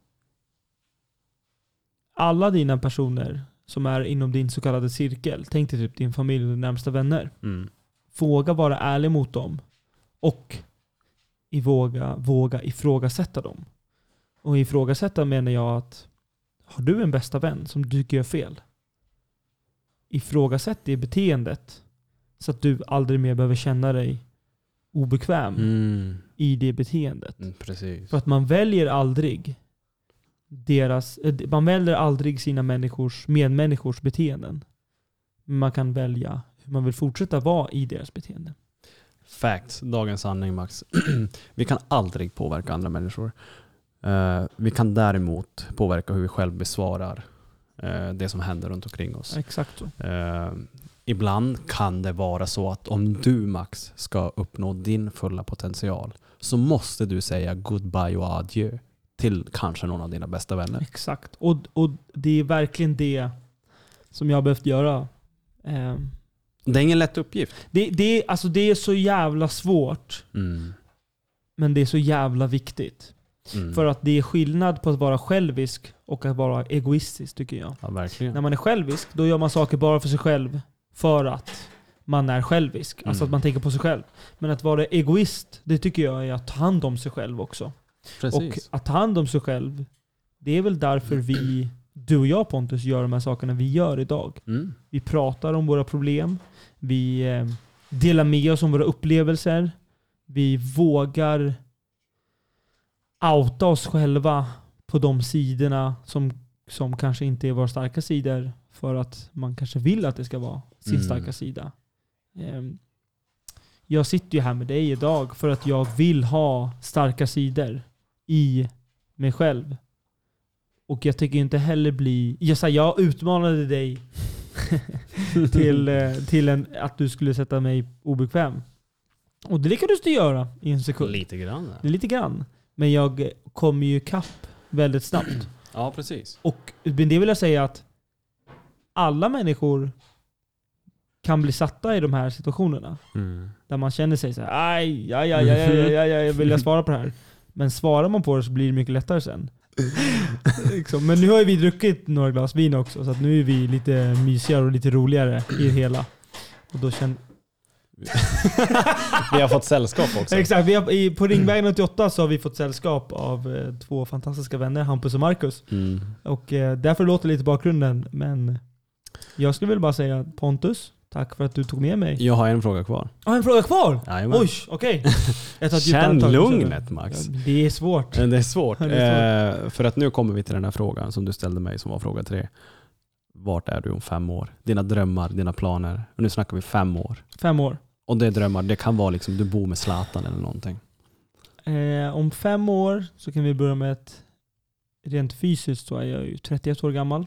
Mm. Om fem år så har jag nog startat min utbildning till att bli lärare. Jag skulle Mm. vilja bli gymnasielärare. Okej. Jag ser att om fem år så har jag bestigit Mount Everest. Yes. Men det krävs ju en hel del eh, spons sponsorer. Just så om det. det är någon som hör det här som skulle vilja sponsra mig, så varsågoda. Mm. Jag hoppas verkligen att jag har börjat starta en familj. Och börjat vill jag säga att det är inte alltid så lätt som man tror att starta familj. Mm. Jag har ju inte en partner i dagens läge, utan jag har ju många partners. Är, är, det, är det bra för dina följare att höra? Nej, men så här, äh, bra bra, men Men du är öppen för, du stänger inga dörrar? nej, nej, nej, nej. Alltså, jag har ju varit med på datingprogram på TV. Ja, så jag, ja, ja, ja, så att jag är öppen för partner. Men det jag vill säga är att jag är inte, eller så här, man kan väl inte riktigt säga att jag är på jakt efter en livspartner. Mm. Men jag skulle heller inte tacka nej till om det kommer en livspartner i mitt liv idag. Mm. Ehm, Det låter som att du drömmer kanske om familjelivet lite grann. absolut. Jag, jag älskar ju att ha människor som jag älskar och uppskattar omkring mig. Mm. Och eh, finns det något bättre än att ha sin egna familj då? Men det är För den här samhörigheten. Samhörigheten, exakt. Jag älskar att tillhöra någonting. Mm. Vänner, familj, kärlekar. Även om det är ett dejtliv så tycker jag ju om att tillhöra någonting. Mm. Men jag tänker väl att alla människor i grund och botten vill väl tillhöra någonting eller någon. Det, det är ju faktiskt så. Och på något sätt, dina barn kommer ju bli lite av den du är. Och du ska ju sätta din prägel på de här barnen. Du ska sätta din uppfostran tillsammans med en jättefin tjej. Och få de här barnen att bli deras bästa version av deras själv. Av deras, dem själv så att säga. Lite, lite läskig känsla får jag ändå säga. Jag, är- jag, eller så här, vi pratade ju om min terapi Mm. för ett tag sedan. Och, och eh, en del av terapin är ju att jag får gå igenom vad jag vill ta med mig från mina föräldrar och vad jag inte vill ta med mig. Precis. Och jag är ju så jävla säker på vad jag inte vill ta med mig från mina föräldrar. Mm. Men jag är också ännu mer så jävla säker på vad jag vill ta med mig. Mm. Men utöver de två sakerna så finns det ju jag, Max Besano också. Vad jag vill ta med mig. För att jag är ju en tredje person utöver min mamma och pappa. Och Mm. min sociala bakgrund och kultur och du vet allt som man kommer ifrån. Jag tror att man aldrig är redo att bli förälder. Du, alltså jag tror att man alltid kommer ha det där jobbet som kanske inte är lägligt. Du kommer alltid ha det där intresset som inte är lägligt. Och, och det är någonting, men det är inte, handlar Men- inte bara om det. Jag tror att det, det handlar om hela livet. Ja. Alltså så här. När är det rätt stund att Aldrig. göra någonting? Det är aldrig en rätt Nej, stund. du bara gör det. Nej men vad fan är det en rätt stund? Alltså, snälla. Det är aldrig en rätt stund. Alltså det kommer alltid finnas en ursäkt. Men man måste kunna se bortom ursäkterna Mm. för att utvecklas. Punkt. Slut med det. Det Eller inte ju punkt så. slut, men alltså Ja, på den det meningen. Att så här, Precis. fan, Det är se bortom det. nej, ja men precis. Ehm, alltså Max, Den, den här stunden med dig och få lära känna dig på det här djupet. Ja, vi hade kunnat spela in ett 10 timmars avsnitt. Absolut. Utan problem. Ja. Eh, Men jag är glad att du ville ställa upp. Eh, Jag är glad att jag har fått komma ner hit till dig, få bo med dig och få ha den här helgen med dig, med alla också runt omkring. Så eh, jag vill bara tacka. Jag, det, det är en sån ära för mig. Och, och det är så kul att se dig igen. Mm. Och Alltså så här, från botten av mitt hjärta, detsamma. Mm, Allting tack. du säger. Jag eh, har ju, så här, om du säger till mig, fan vad jag saknar dig Max. Så har jag lärt mig att jag, jag ska inte riktigt brösta ut i att oj vad jag saknar dig också. Utan jag ska bara säga så här, tack. Och först och främst Mm. ta det. Så att innan jag säger detsamma så vill jag säga tack för alla de fina sakerna du säger. Absolut. Men det finns också min sida av det. Och jag är ju jävligt tacksam över att jag har fått göra det här med dig. Och ha en kväll med dig i våran bubbla har ju varit mer än liksom, Det är givande. det är givande. Och det har varit en tacksamhet från min sida. Ja, och få prata om det lite. Och när vi också fått fördjupa oss lite mer i de sakerna som du och jag har pratat om tidigare i livet. Mm. Vi har bara känt varandra en kort tid. Men vi har aldrig, vi har aldrig lärt känna varandra på det ytliga planet. Och det är jag Mm. tacksam, väldigt tacksam över. Ja, absolut. Och det känns som att du kan vara en återkommande gäst i den här podden. Jag kommer till Kiruna. jag springer. jag vet hur många dagar det tar. Du har 26 dagar på mig att springa till Kiruna, så jag kommer springande. Och du har ju alltid fritt boende där. Tack. Så att, eh, nej. Eh, tack Max. Eh, nu ser vi till att eh, ha en fin kväll. Och eh, till er där ute vill jag bara säga på återseende och eh, ta hand om varandra. Och hej då. Och hej då. Ciao Bella. Och ciao Ciao. Bello. Är det på italienska? Italienska Bello är kille, Bella är tjej. Så ciao Bella, ciao Bello, ciao tutti. Ciao tutti.